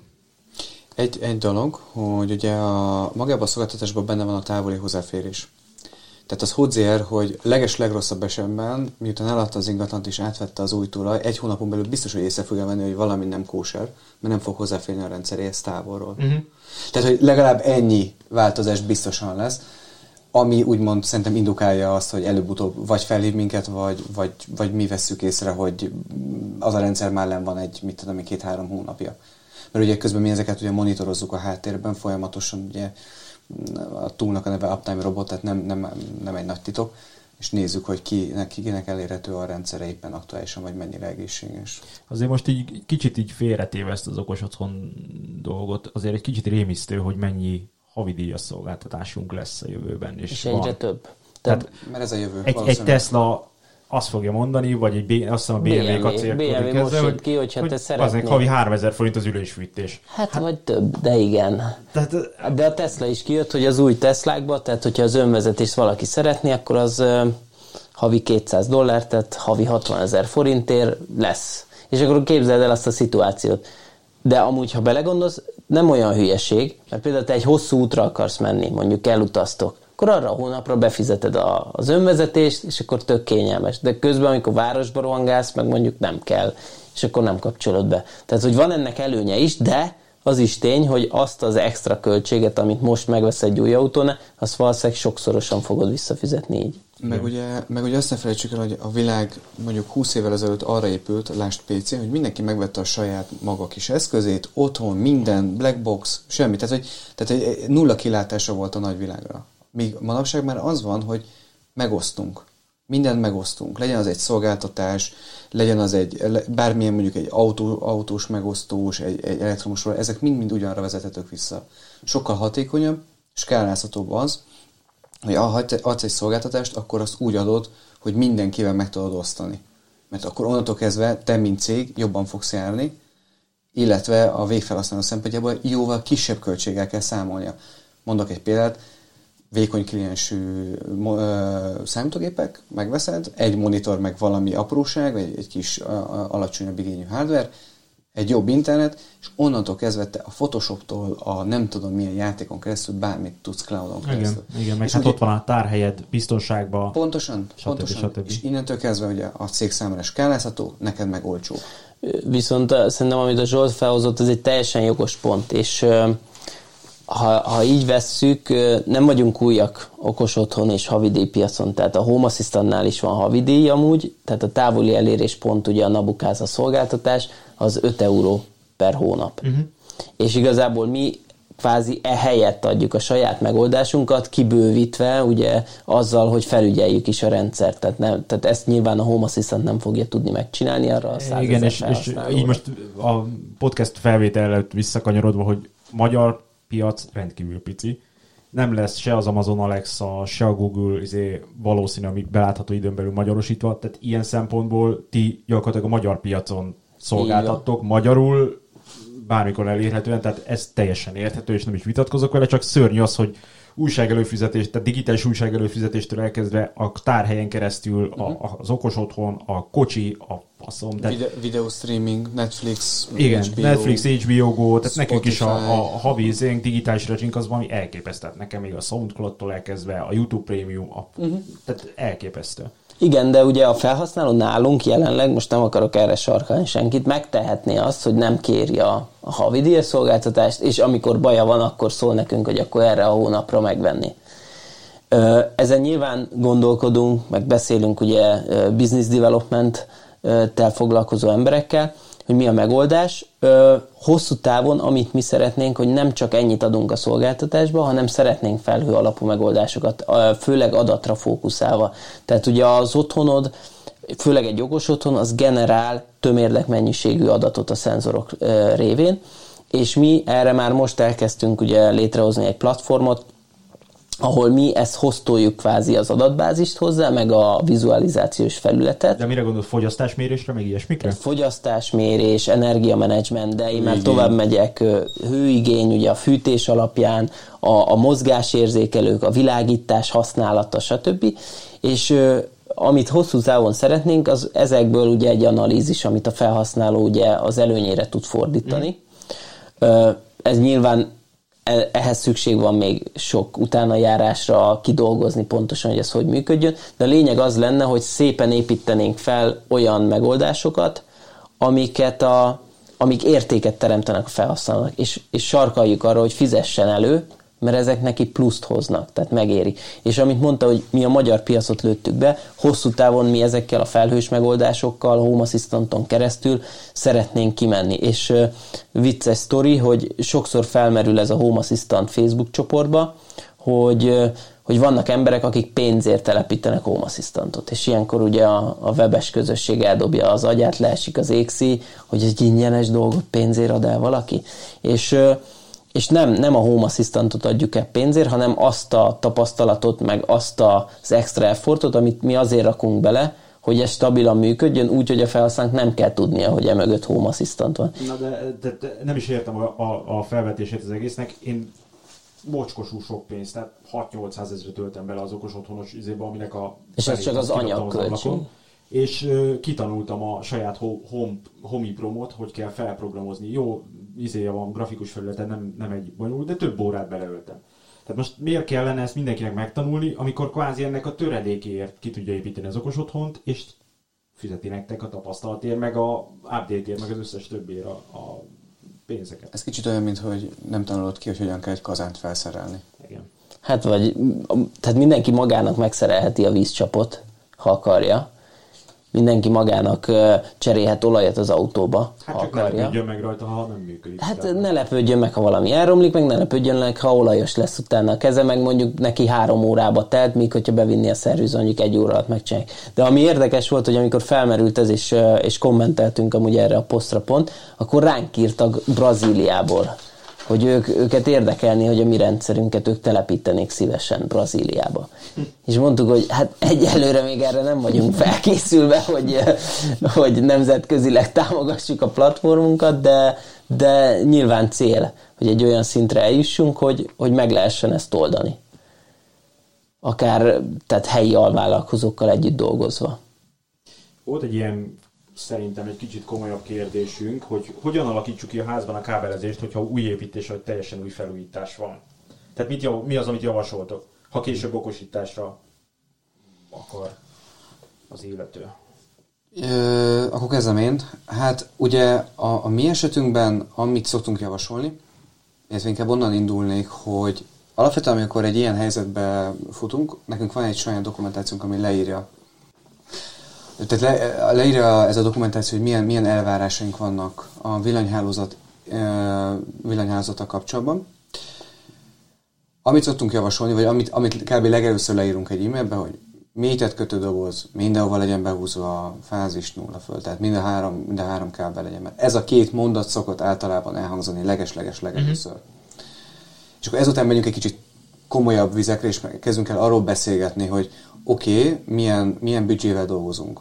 Tudunk-e arról beszélni esetleg, hogy mondjuk valamilyen félig meddig csillag, csillagpontos kábelezésről tudunk-e beszélni? Mert nyilván a mi szempontunkból sokkal kényelmesebb, hogyha van egy nagyobb regszekrényem, ahol én bedobálom a selliket, vagy valamilyen olyan eszközt, amivel én szeretnék kommunikálni, mert ugye nem feltétlenül kell selliről beszélni, lehet egy tuja, Sonoff. ö, Sonoff, stb. Tehát sok alternatíva van.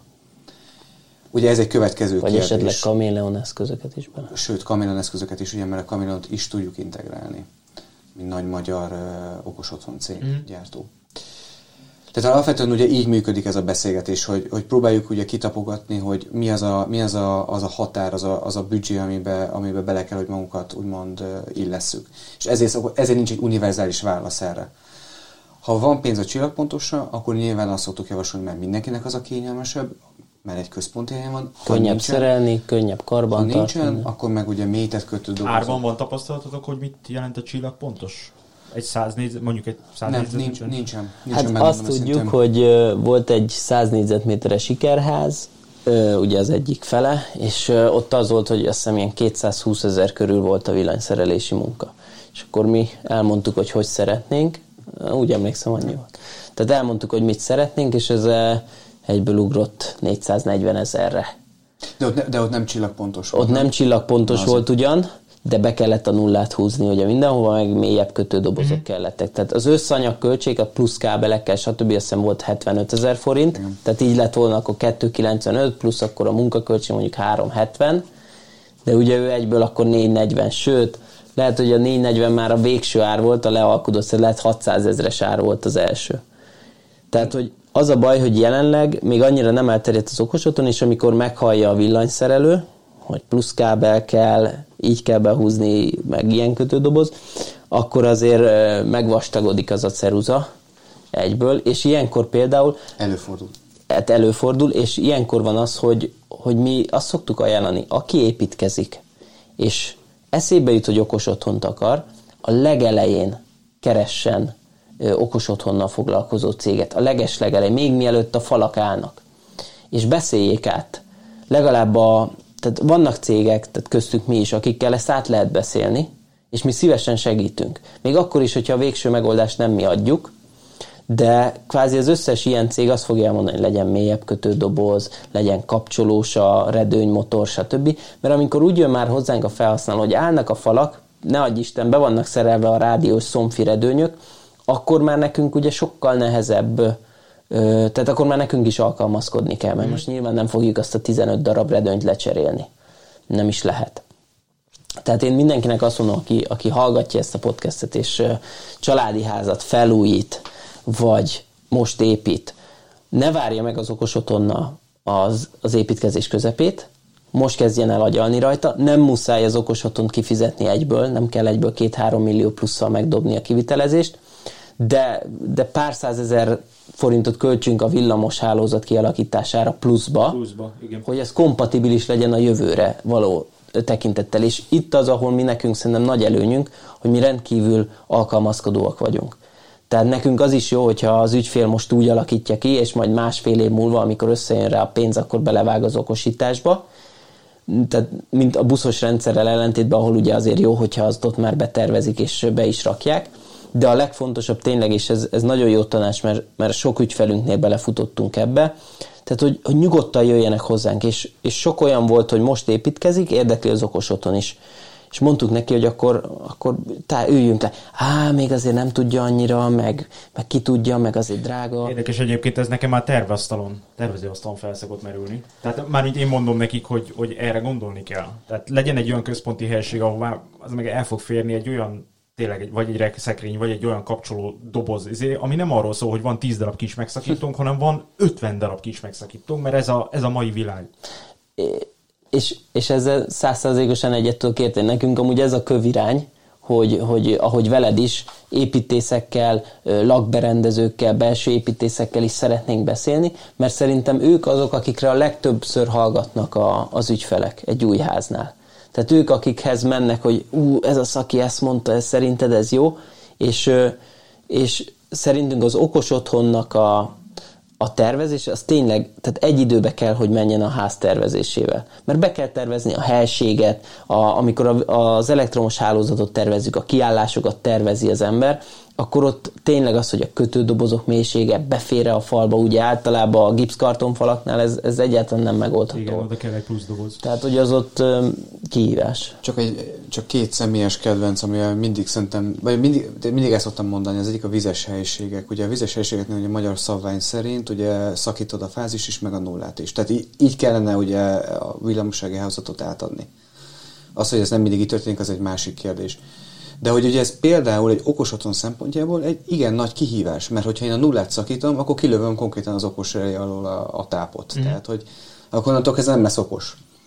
Tehát, hogy ez, ez például egy olyan dolog, amit, amit igenis előre meg kell beszélni, meg kell tervezni, mert ez ilyen vizes helységeket, hogyha valaki szeretné okosítani, akkor nem tudja azt, hogy a vizes helységben a kapcsoló mögé berakja a kis selét. Hát aztán nem is szabad igazán. Nem is szabad, mert ugye vizes helység, de hogy, mert hogy pára de hogy, hogy értsük, hogy, hogy ugye vannak azért előfeltételei ennek a dolognak. De ez nem jelent az, azt, hogy villamos tervet kell csinálni a házra, csak át nem kell beszélni. Csak át kell beszélni. Meg a villanyszerelőre rácserélni. Így van, és akkor meg, meg, kell mondani a villanyszerelőnek, hogy figyelj, Sanyi, légy szíves, húzd arrébb, és a kötődobozon fogjuk szakítani. Uh-huh. Két darab mosrelével, és igen, és akkor azt ugye meg egy plusz sellivel. A másik kedvenc, és utána hagyom a Gyulát is szóhoz jutni, az az, az, az öntöző rendszer, az öntözőrendszernek a vezérlése.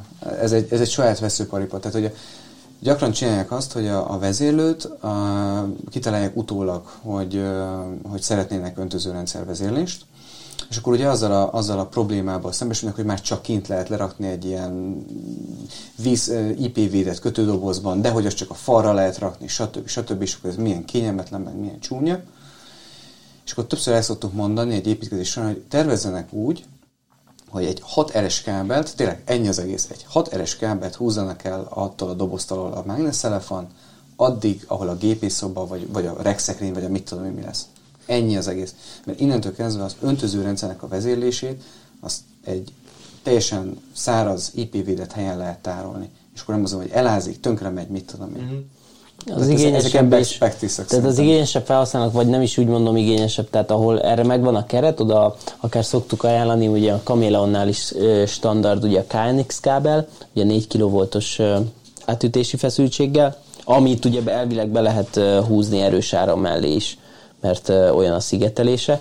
De ha, ha ilyet behúz az ember ilyen helyekre, akkor utána később egy hatalmas könnyebbség, hogyha szeretnénk okosítani, mert az összes vezeték ugye ott rendelkezésünkre fog állni, és tudjuk használni akármire a, a jövőbe. Tehát én tíz évvel ezelőtt ezt a házat, ahol most vagyunk, csillagpontosan alakítottam ki. Uh-huh. Tehát itt a mögöttünk lévő pincehelységbe fut össze minden. Tehát én gyakorlatilag egy konnektort ki tudok cserélni egy kapcsolóval, vagy viccever, akármit tudok csinálni, mert minden, tehát minden egyes szerelvény ide fut össze a pincébe. Nekem ez 10 évvel ezelőtt került plusz 300 ezer forintba. Zsolt, megelőzted a és igen, csak az asszony, az asszony, asszony is izélt utána, hogy, hogy mi a picsa került ennyibe. Én csináltam villanszerelést, tehát munkadíjat azt nem tudok mondani, de 300 ezerre került és többe. Padlóba vezetted el? Padlóba. Uh-huh. Mert, ugye, mert ugye ez egy, nagy, ez egy nagy trükk, vagy ez egy nagyobb trükk, hogyha például valaki egy padlófűtést, vagy tehát hogy egy új rétegrendet akar kialakítani a padlófűtés miatt, vagy adott esetben van egy álmenyezet. Igen. Sokkal-sokkal olcsóbban és hatékonyabban meg lehet oldani, mert nem kell hornyozni azt a szerencsétlen oldalfalat. Ezt, ezt nem értik meg egyébként az ügyfelek, amikor mondják, hogy vasbeton födém, nem kell álmennyezet, mert vakoljuk. De mondom, az meg egy álmennyezet fölé temérdek kábel odafér, légtechnika odafér, minden odafér az ég egyet világon, hogy szerelhető. Berakjuk a padlóba, szereljed utána, ha esetleg megszakad, vagy bármi. bármi Ez így van. Ez így Úgyhogy sok minden. De sok ez mind függ. tervezés. Tehát nem is tudom, talán a honlapunkon is fenn van, hogy, hogy mi a legfontosabb egy, egy okos otthonnál, és, és tényleg a tervezés. Tehát, hogyha jól meg van tervezve egy okos otthon, akkor igazából az eszköz típusa, minősége az már másodlagos. Igen, megcserélhető az évek megcserélhető. Ahogy... Tehát, hogyha szeretnénk, egy, ha rájövünk, hogy rossz ez a márka, akkor kicseréljük, és ez a nagy ereje a nyílt forráskódú rendszereknek, hogy, hogy tényleg kijön egy tök új termék, akkor pikpak meg lesz rá a támogatás. És hogyha az a termék az tényleg egy ilyen aduász, akkor azt be lehet integrálni és ha van egy termék, ami pedig bevásároltunk belőle, és mégsem működik, akkor ki lehet cserélni. De a legfontosabb, hogy legyen megtervezve az a rendszer, legyen kitalálva a koncepció, és utána, hogy ez valamelyik építőelemét ki kell cserélni, az nem egy akkora probléma. Miért pont a Shell-re tettétek le a voksotokat? Ez egy nagyon jó kérdés. Ez nagyon jó kérdés. Tehát, csak hogy a, a hallgatók értsék, van IKEA, Xiaomi, Sonoff, Shelly, Fibaro, Aotek, Puja. Megmondom, a Shelly-nél, tehát, a, tehát, hogy inkább úgy fogalmaznék, hogy az azon gyártók között, akik ugye okos relét árulnak, a Shelly-t azért választottuk, mert tehát az, az például nagyon, sőt azt mondom, baromira szimpatikus lépés tőlük, hogy ki lehet kapcsolni a cloudos funkcionálisokat. Egyetlen gomb, kinyomom, nem, nem, nem, nem kell. Tehát, hogy ha nekem nincs szükségem arra, hogy a, az ő szolgáltatásokat használjam, kikapcsolhatom, nincs rámerőltetve. Uh-huh. Ez az egyik. A másik az, hogy Ugye, ami nekünk nagyon fontos, és alapvetően a rendszernek nagyon, hogy mondjam, magvas része, ez az MQTT. Ez ugye egy olyan protokoll, aminek az a lényeg, hogy úgy kell kezdeni, mint egy sort, egy, vagy, egy, vagy egy csövet. Bemegy, a, bemegy az adat, és valamikor x időn belül kiveszem azt az adatot. Ez, ez, nagy, tehát ez maga az okos otthonrendszerben egy nagyon, nagyon hogy mondjam, hasznos és, és jól elterjedt technológia. Technikailag a Zigbee-t, a Z-Wave-et, az összes wifi kommunikációt ugye MQTT-re fordítjuk le a magunk oldalán. Tehát ez a trükk, így mm. egységesítünk, ez az absztrakt, ez egy, Ez egy üzenetkezelő, és nagyon sok olyan belső funkciója van ennek a szolgáltatásnak, ami a stabilitáshoz és a robosztusságához hozzáad. Hiszen ő el tud fedni egy csomó eszközből, szenzorból származó hibát. Mondok egy nagyon jó példát, az MQTT ugye jön a szenzor, ő elküldi MQTT-nek is hőmérsékletértékét, az MQTT-be ez ugye bekerül, regisztrálódik, és az MQTT tovább lövi a, ugye a Home Assistant fele. A Home Assistant ő csak az MQTT-vel, a brokerrel, tehát úgy hívják, hogy broker, azzal kommunikál. Az az eszköz lehet, hogy lehal, de az MQTT-nek van olyan funkcionitása, hogyha az Home Assistant őt kéri, akkor az utolsó lementett értéket fogja visszaadni. Nyilván ez nem a legpontosabb, de legalább nincs kiesés a rendszerben, nem az van, hogy ott van egy nagy N per A a felületünkön, hanem, hanem ott van az előző mért érték.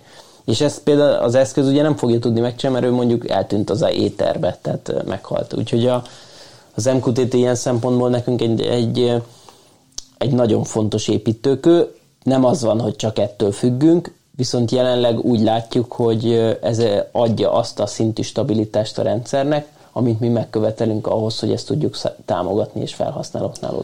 Van-e olyan eszköz, csoport vagy márka, amit viszont abszolút nem tudtok ajánlani. Rossz tapasztalatok, vagy ilyesmi alapján? Hmm. Én, tehát saját tapasztalat, a IKEA-val éveket szoptam. Aha.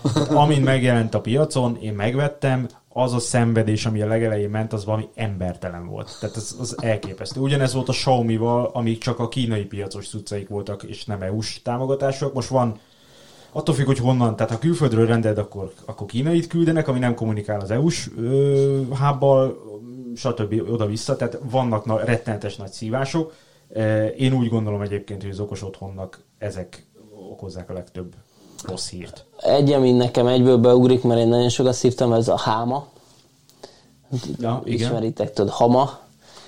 Sokan nem tudják, de van okos otthon megoldásuk, szinte min- mindenük van, wifi-s megoldásaik, ha jól emlékszem, és elvileg Smart Life-on vagy valamin keresztül lehet őket integrálgatni, de, de megbízhatatlan. Tehát nekem nagyon rossz tapasztalataim vannak. Egy másik példa, ami nem is annyira megbízhatatlan, tehát Sonofot mi telepítettünk egész sokat, de mi mindig tasmatásítjuk. Uh-huh. Tehát az azt jelenti, hogy lecseréljük az eredeti gyári firmware a Sonofnak, és ugye egy ilyen nyílt forráskódú Nem rakunk csodálom, rá. Sonofon van, és illetve volt, most már lecseréltem, ki, ki, kiszedtem a rendszerből. Mm. Tehát, e, tehát maga az eszközzel nincs bajunk. Tehát, Mhm. hogy nyilván Jó, csak ehhez meg ti értetek, én meg már laikusként nem fogom kicserélni. Igen, tehát, e, tehát ezt a felhasználó megint csak nem látja, mert az ő szemszögéből a funkcionalitás ugyanaz, meg ugyanúgy néz ki, mint a boltban megvásárolt szó. a felhasználói felület az elképesztő. Tehát a, a, ami hozzá van applikáció, meg, meg az egész, az, az egy elképesztő, egy, egy fos, és nem állandóan ledobál, nem jelentkezik be, beragad. Tehát volt olyan nekem, hogy 47 órán keresztül ment a, a pincébe szellőztető ventilátor, mert beragadt a Sonofnak a És ez milyen kellemetlen.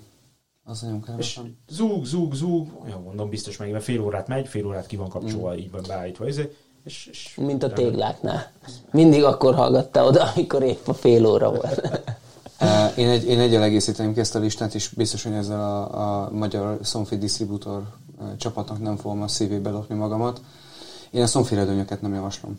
Tehát hogy a, a Sonfi redőnyökről azt kell tudni, hogy Rittig egy 68. különböző, 68. féle vezeték nélküli protokollt használnak, ez ennek az a I- IO Home Control, vagy valamilyen nagyon eh, érdekes neve van. A lényeg a Sonfinak ugye úgy működik, hogy csak és kizárólag felhős szolgáltatással lehet megszólítani a Sonfi márka azonos hubbal, aminek eh, 58 ezer forint a jelenlegi kiskereskedelmi ára, és hát ez a szolgáltatás nem mindig működik. Tehát amikor a feleségem hazajön a kisgyerekkel, és akkor mondja Alexának, hogy akkor húz fel a re... mondja a, a hangasszisztensnek, hogy húzzad fel a redőnyt, és hát a hangasszisztens megcsinálna, ha a szomfénak a szolgáltatása elérhető lenne, és mondom, tehát többször már mértem is, elmegy napi egyszer-kétszer kapálni a mezőre két-három percet. És mi az a redőny motor, amit tudtok ajánlani? Alapvetően Smart Home. Um, itt alapvetően azt mondanám, hogy bármi olyan redőny, ami, ami kapcsolt üzemű, tehát milyen szóval egy, egy fizikai kapcsolót rá lehet kötni. Uh-huh. Mert Az- akkor tudod reléztetni. Pontosan. A Smart Home-mal az van, amúgy az is egy érdekes sztori, hogy a Smart Home redőnyöknél is két fajta van, vannak a régebbiek meg az újak. A régebbieket Broadlink-el, RF-en keresztül tudod A vezérelni. nem kapcsolósokat. a nem De kapcsolósokat. ugye. amire rálát a broadcast. Amire Igen, rá lehet amire, a Broadlink. vagy az RFS, tehát a rádiósat Ja, is. értem. Aha. Ami nem ugrókód. Az újabbakat viszont ezzel a DS BIDI modullal kell lehet vezérelni. Na most ez nálunk egy olyan, hogy mondjam, nagyon jó lenne, ha végre egyszer rászállnám Ez egy mumus. Egy mumus, mert hogy már két éve próbáljuk beintegrálni a mi rendszerünkbe a BIDI modult. Csak nincs időnk. Nincs idő, meg nincsen rá igény. Hol, mármint igény az lenne a felhasználók részéről, csak a mi oldalunkról nincs meg az a... Tehát magyarul, aki redőnyt akar odo- okosítani, az vegyen sima kapcsolósat, Az nem kell RFS, nem És kell erre nagyon kell lófasz. figyelni, a legjobb. mert a, amikor valaki épít egy házat, és motoros redőnyt kér, akkor garantálom, hogy rádiós motoros redőnyt akarnak neki eladni, hiszen azon sokkal jobb a nyereség nyilvánvalóan, mert egy drágább.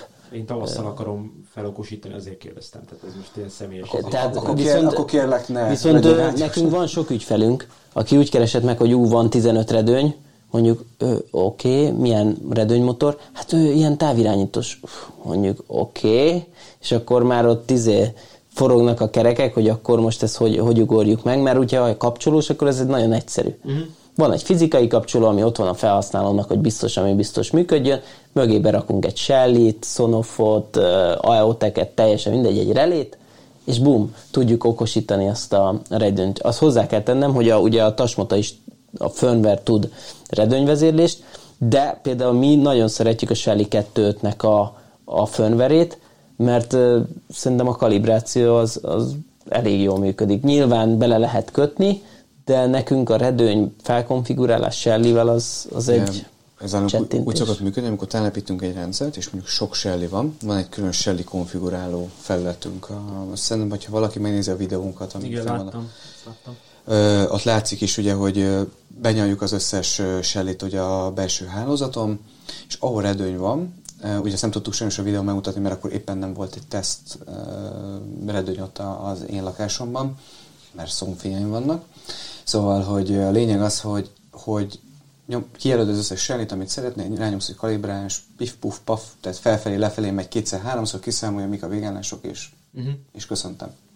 Tehát, hogy technikailag nagyon kényelmes, kézreálló, és ez lett volna egy harmadik indok amúgy, hogy miért a Shelly-t választottuk, csak már nem tudtunk ki. Ha van, ha, ha bocs, mondjad. E, nem, hát mondjad csak.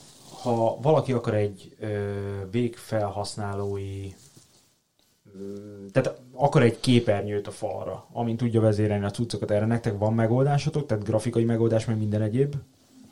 Ez úgy működik, hogy uh, amit mi adunk felületet, az egyrésztről úgymond egy kicsit a mi uh, ízvilágunkra van szabva. Tehát a lényeg az, hogy nem, nem a standard Home Assistant feltét kapott, hanem egy, egy kicsit annál, annál többet ami azért is fontos, mert automatikusan bekerülnek az entitások egy te, a telepítés uh-huh. során, tehát automatikusan megjelennek a villanykörték, automatikusan megjelennek. De a, a, ebbe a tulajdonos nem tud belepiszkálni? Mindjárt is ki fog térni, csak annyit akartam még ezzel kapcsolatban mondani, hogy ez a felület, pontosan hogy ez a felület a laptopodon, a mobiltelefonodon, a tableten, tehát mindegyiken ugyanazt a felületet fogod kapni, mivel reaktív, vagy hogy mondják ezt a frontend, tehát hogy úgy méretezi, amekkora képernyőn van, de pontosan ugyanazt fogod látni. De ez ugye nem, tehát hogy ez a Home assistant jár. Ez a Home assistant jár, tehát ez nem mi adjuk. De várjál, ehhez kell egy okos egy számítógép, vagy ilyesmi. De tudtok-e adni egy tabletet a falon? Igen, igen. A, tehát a, tesztfal, a tesztfalunkon például, ott ki is van rakva, és amúgy ez egy sarkalatos pont, mert nagyon sokszor látom a, a Do It Yourself csoportban is, hogy milyen tabletet vegyek uh-huh. hogyha falra szeretném szerelni. És uh, nekünk az volt a tapasztalatunk, hogy azért nem mindegy, hogy milyen az a tablet. Mert hogyha a legolcsóbb uh, tabletet veszük, akkor előfordul, hogy kicsit laggol, amikor húzogatjuk, tehát a felhasználó élmény sérül, és az irritáló, főleg egy ilyen rendszernél.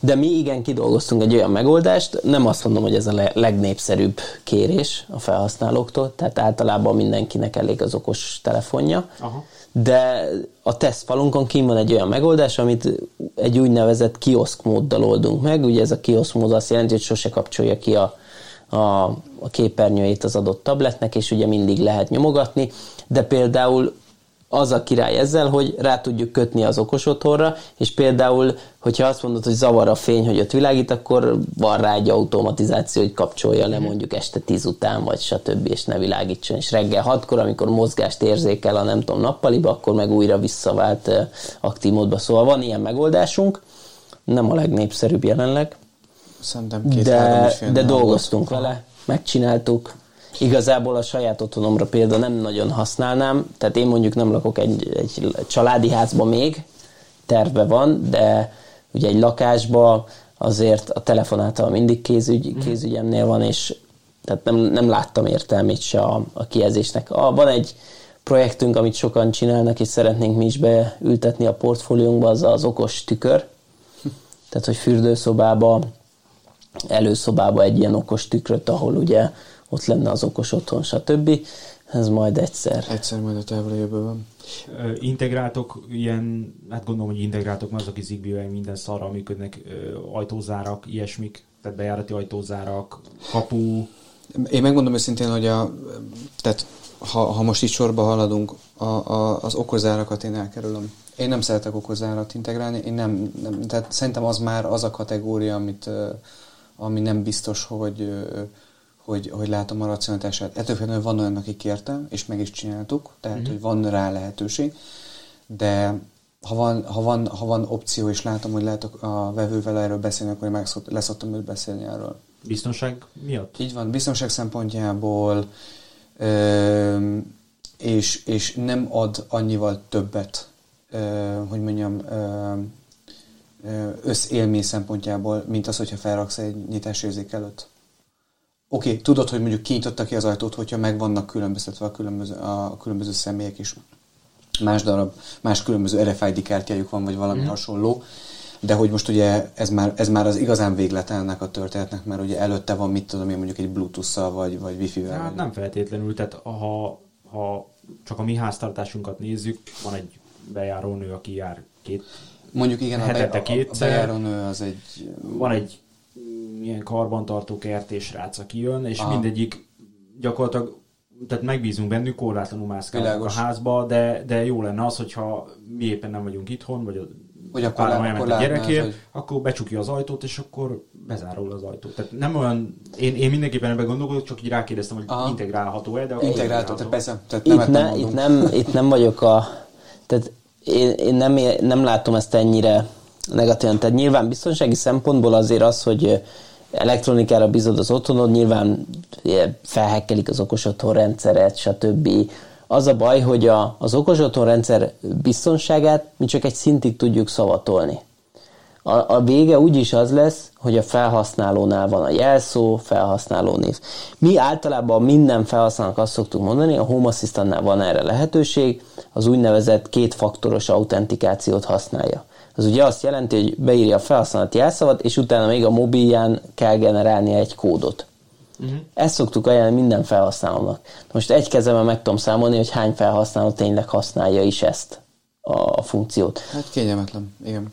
Tehát, hogy, hogy mi, minden okos otthon rendszerén nem azon kell aggódni, hogy a szoftvert feltörik, hanem hogy a felhasználótól kicsikarják uh-huh. valahogy a jelszavát és onnantól ugye egy okoszár ki lehet nyitni. Attól nem tartanék, hogy most itt izé a wifi-re valaki fel fog csat, csattogni, és, és majd úgy nyitogatja az ajtót, de megint a wifi-t nem mi felügyeljük, az nem a mi hatáskörünk, hogyha a wifi-nek az a, az a kódja, admin, admin. admin, admin akkor, akkor sajnos ezzel, ezért van szerintem az, hogy a Tamás nem ajánlja, mert egyszerűen ö, tényleg egy sebezhetőség olyan szempontból. De hogyha olyan a felhasználó, hogy tudjuk, hogy odafigyel a biztonságra, tudjuk, hogy a wifi-e nem admin-admin, vagy root-root, és azt is tudjuk, hogy mondjuk a Home Assistantot megfelelően ö, ö, védi és használja, tehát mondjuk használja a kétfaktoros autentikációt, mert azt majdnem csak garantálni tudom, hogy rajtunk keresztül nem fogják feltörni a Home Assistantot. Tehát, hogy mi ugyanúgy csak a, a felületet tudjuk mm. kiajánlani, ott be kell jelentkezni.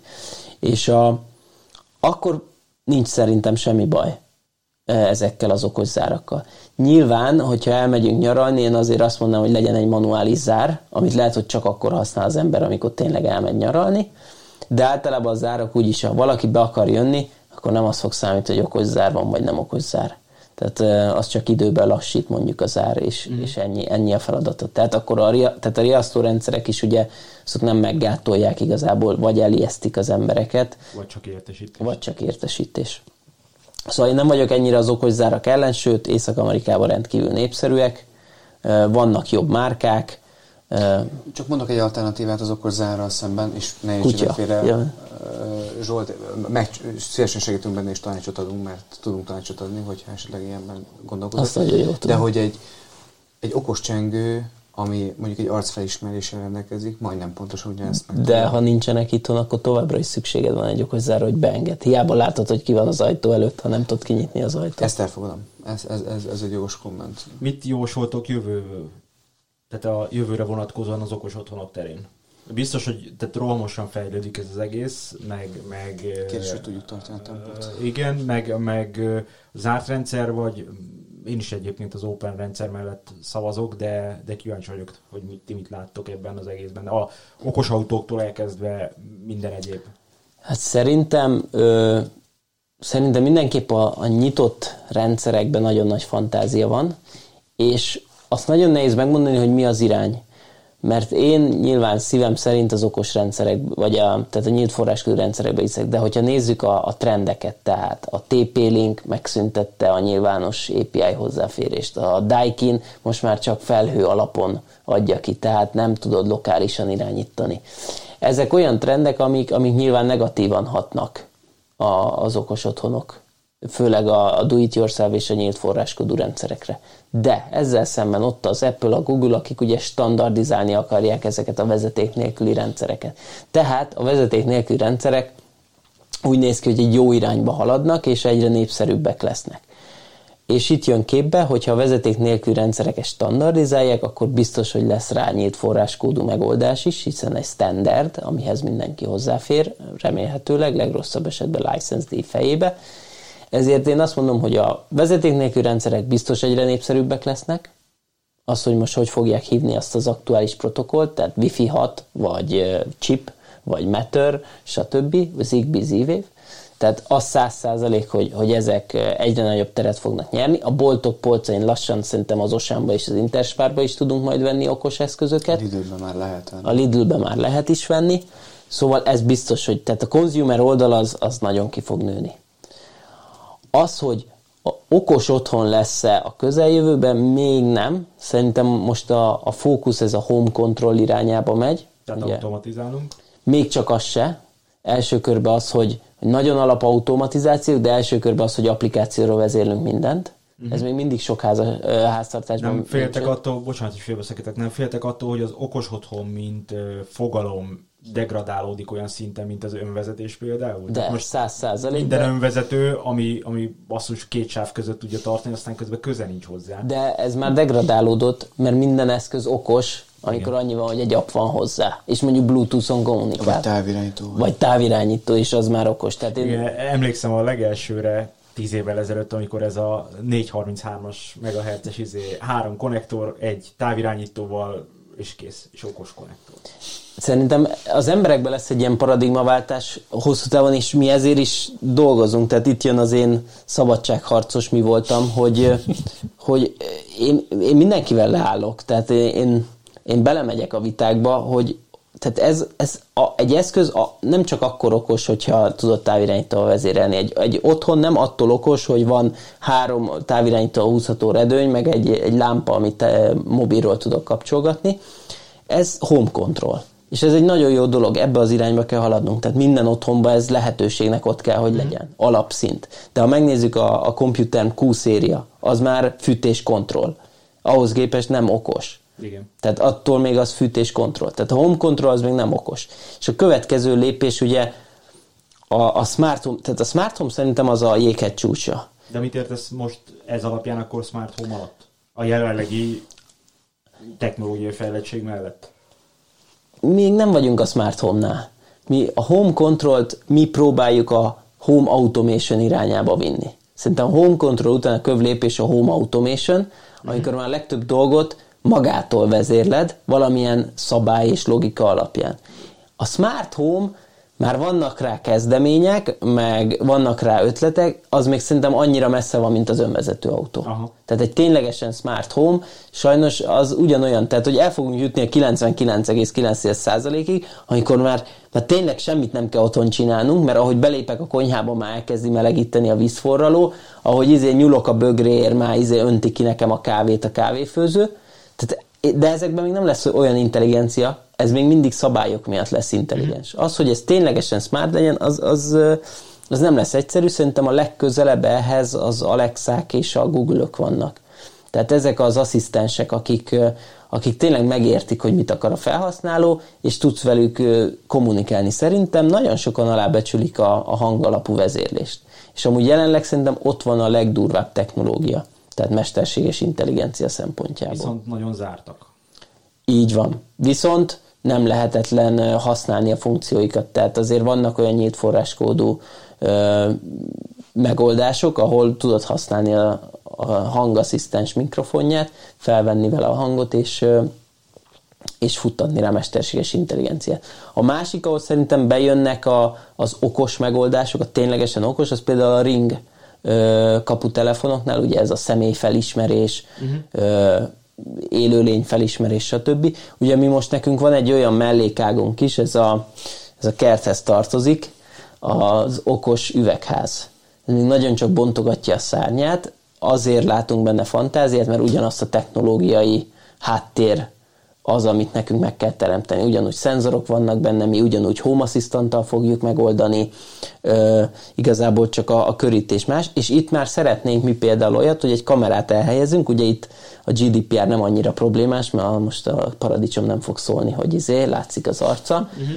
és ö, például szeretnénk ilyeneket a jövőben, hogy fel, fel van helyezve a kamera, és például azt hiszem a Home Assistantnak van egy integráció, egy Plant Book, amiben minden növényről vannak információk.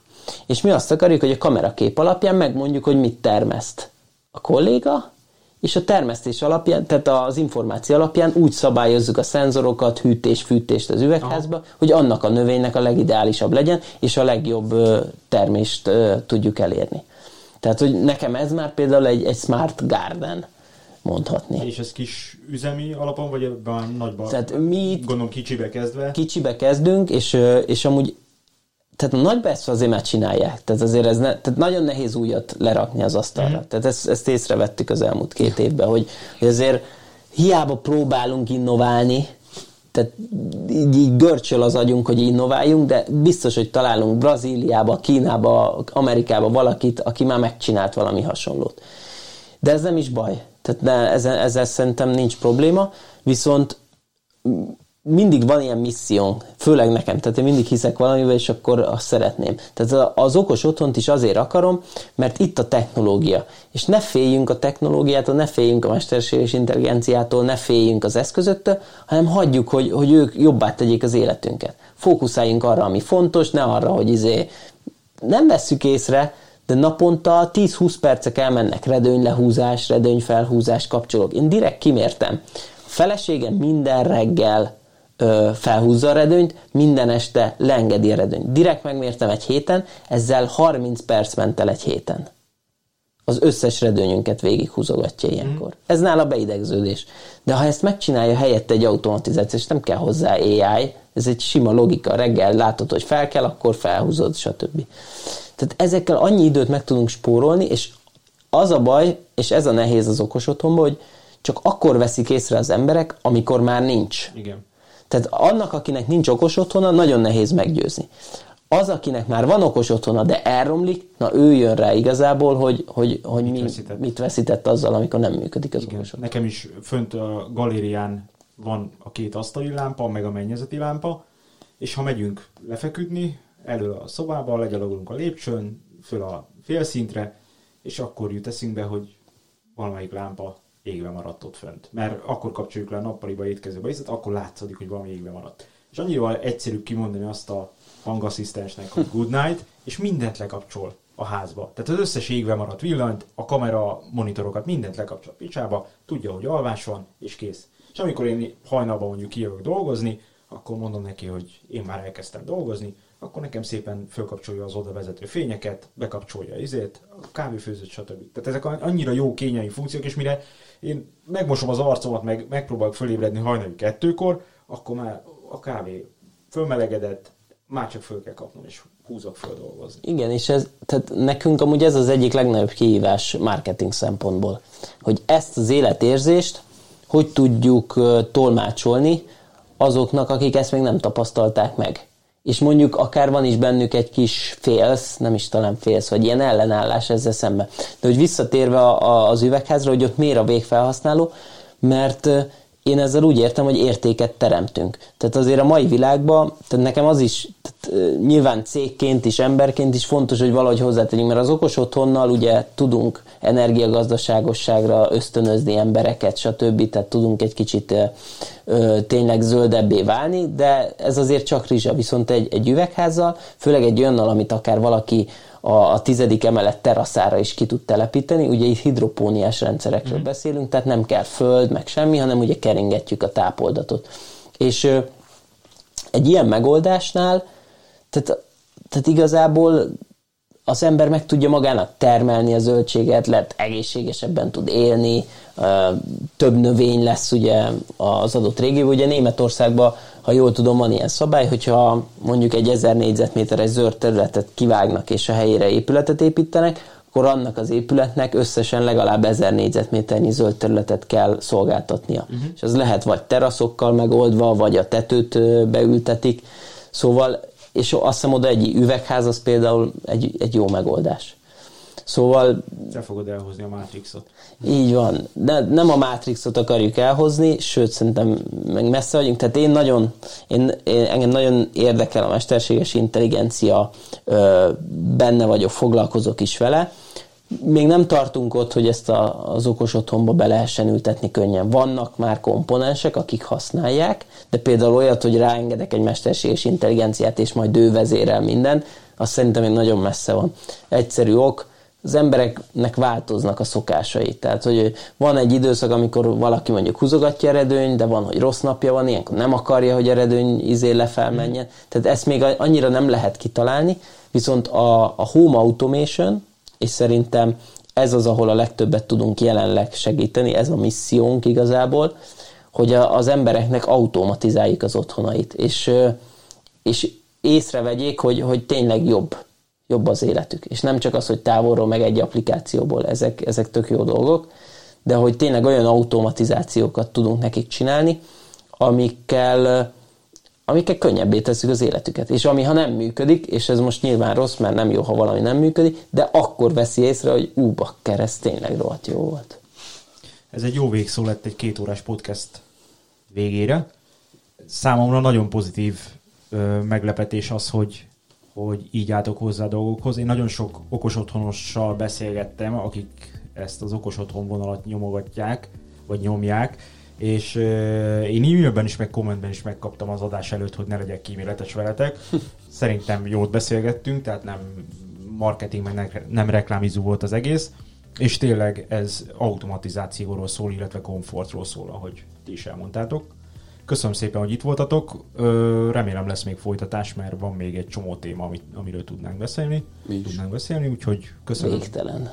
Köszönjük köszönöm. szépen. Köszönjük Julának és Tamásnak a, a podcastet. Kövessétek őket a Jabune Home uh-huh. honlapján. Instagram, Facebook és a honlap konzultáljatok velük. Voltak ilyen nagyon durva kérdések, amiknek a felét nem értettem a Facebookon is. Megkérem az úriembert, hogy, hogy küldje el nektek a, a kérdéseit, és, és fogtok neki segíteni, biztos vagyok benne. Mindenképp. Jó éjszakát, sziasztok! Sziasztok! Jó éjszakát, hello!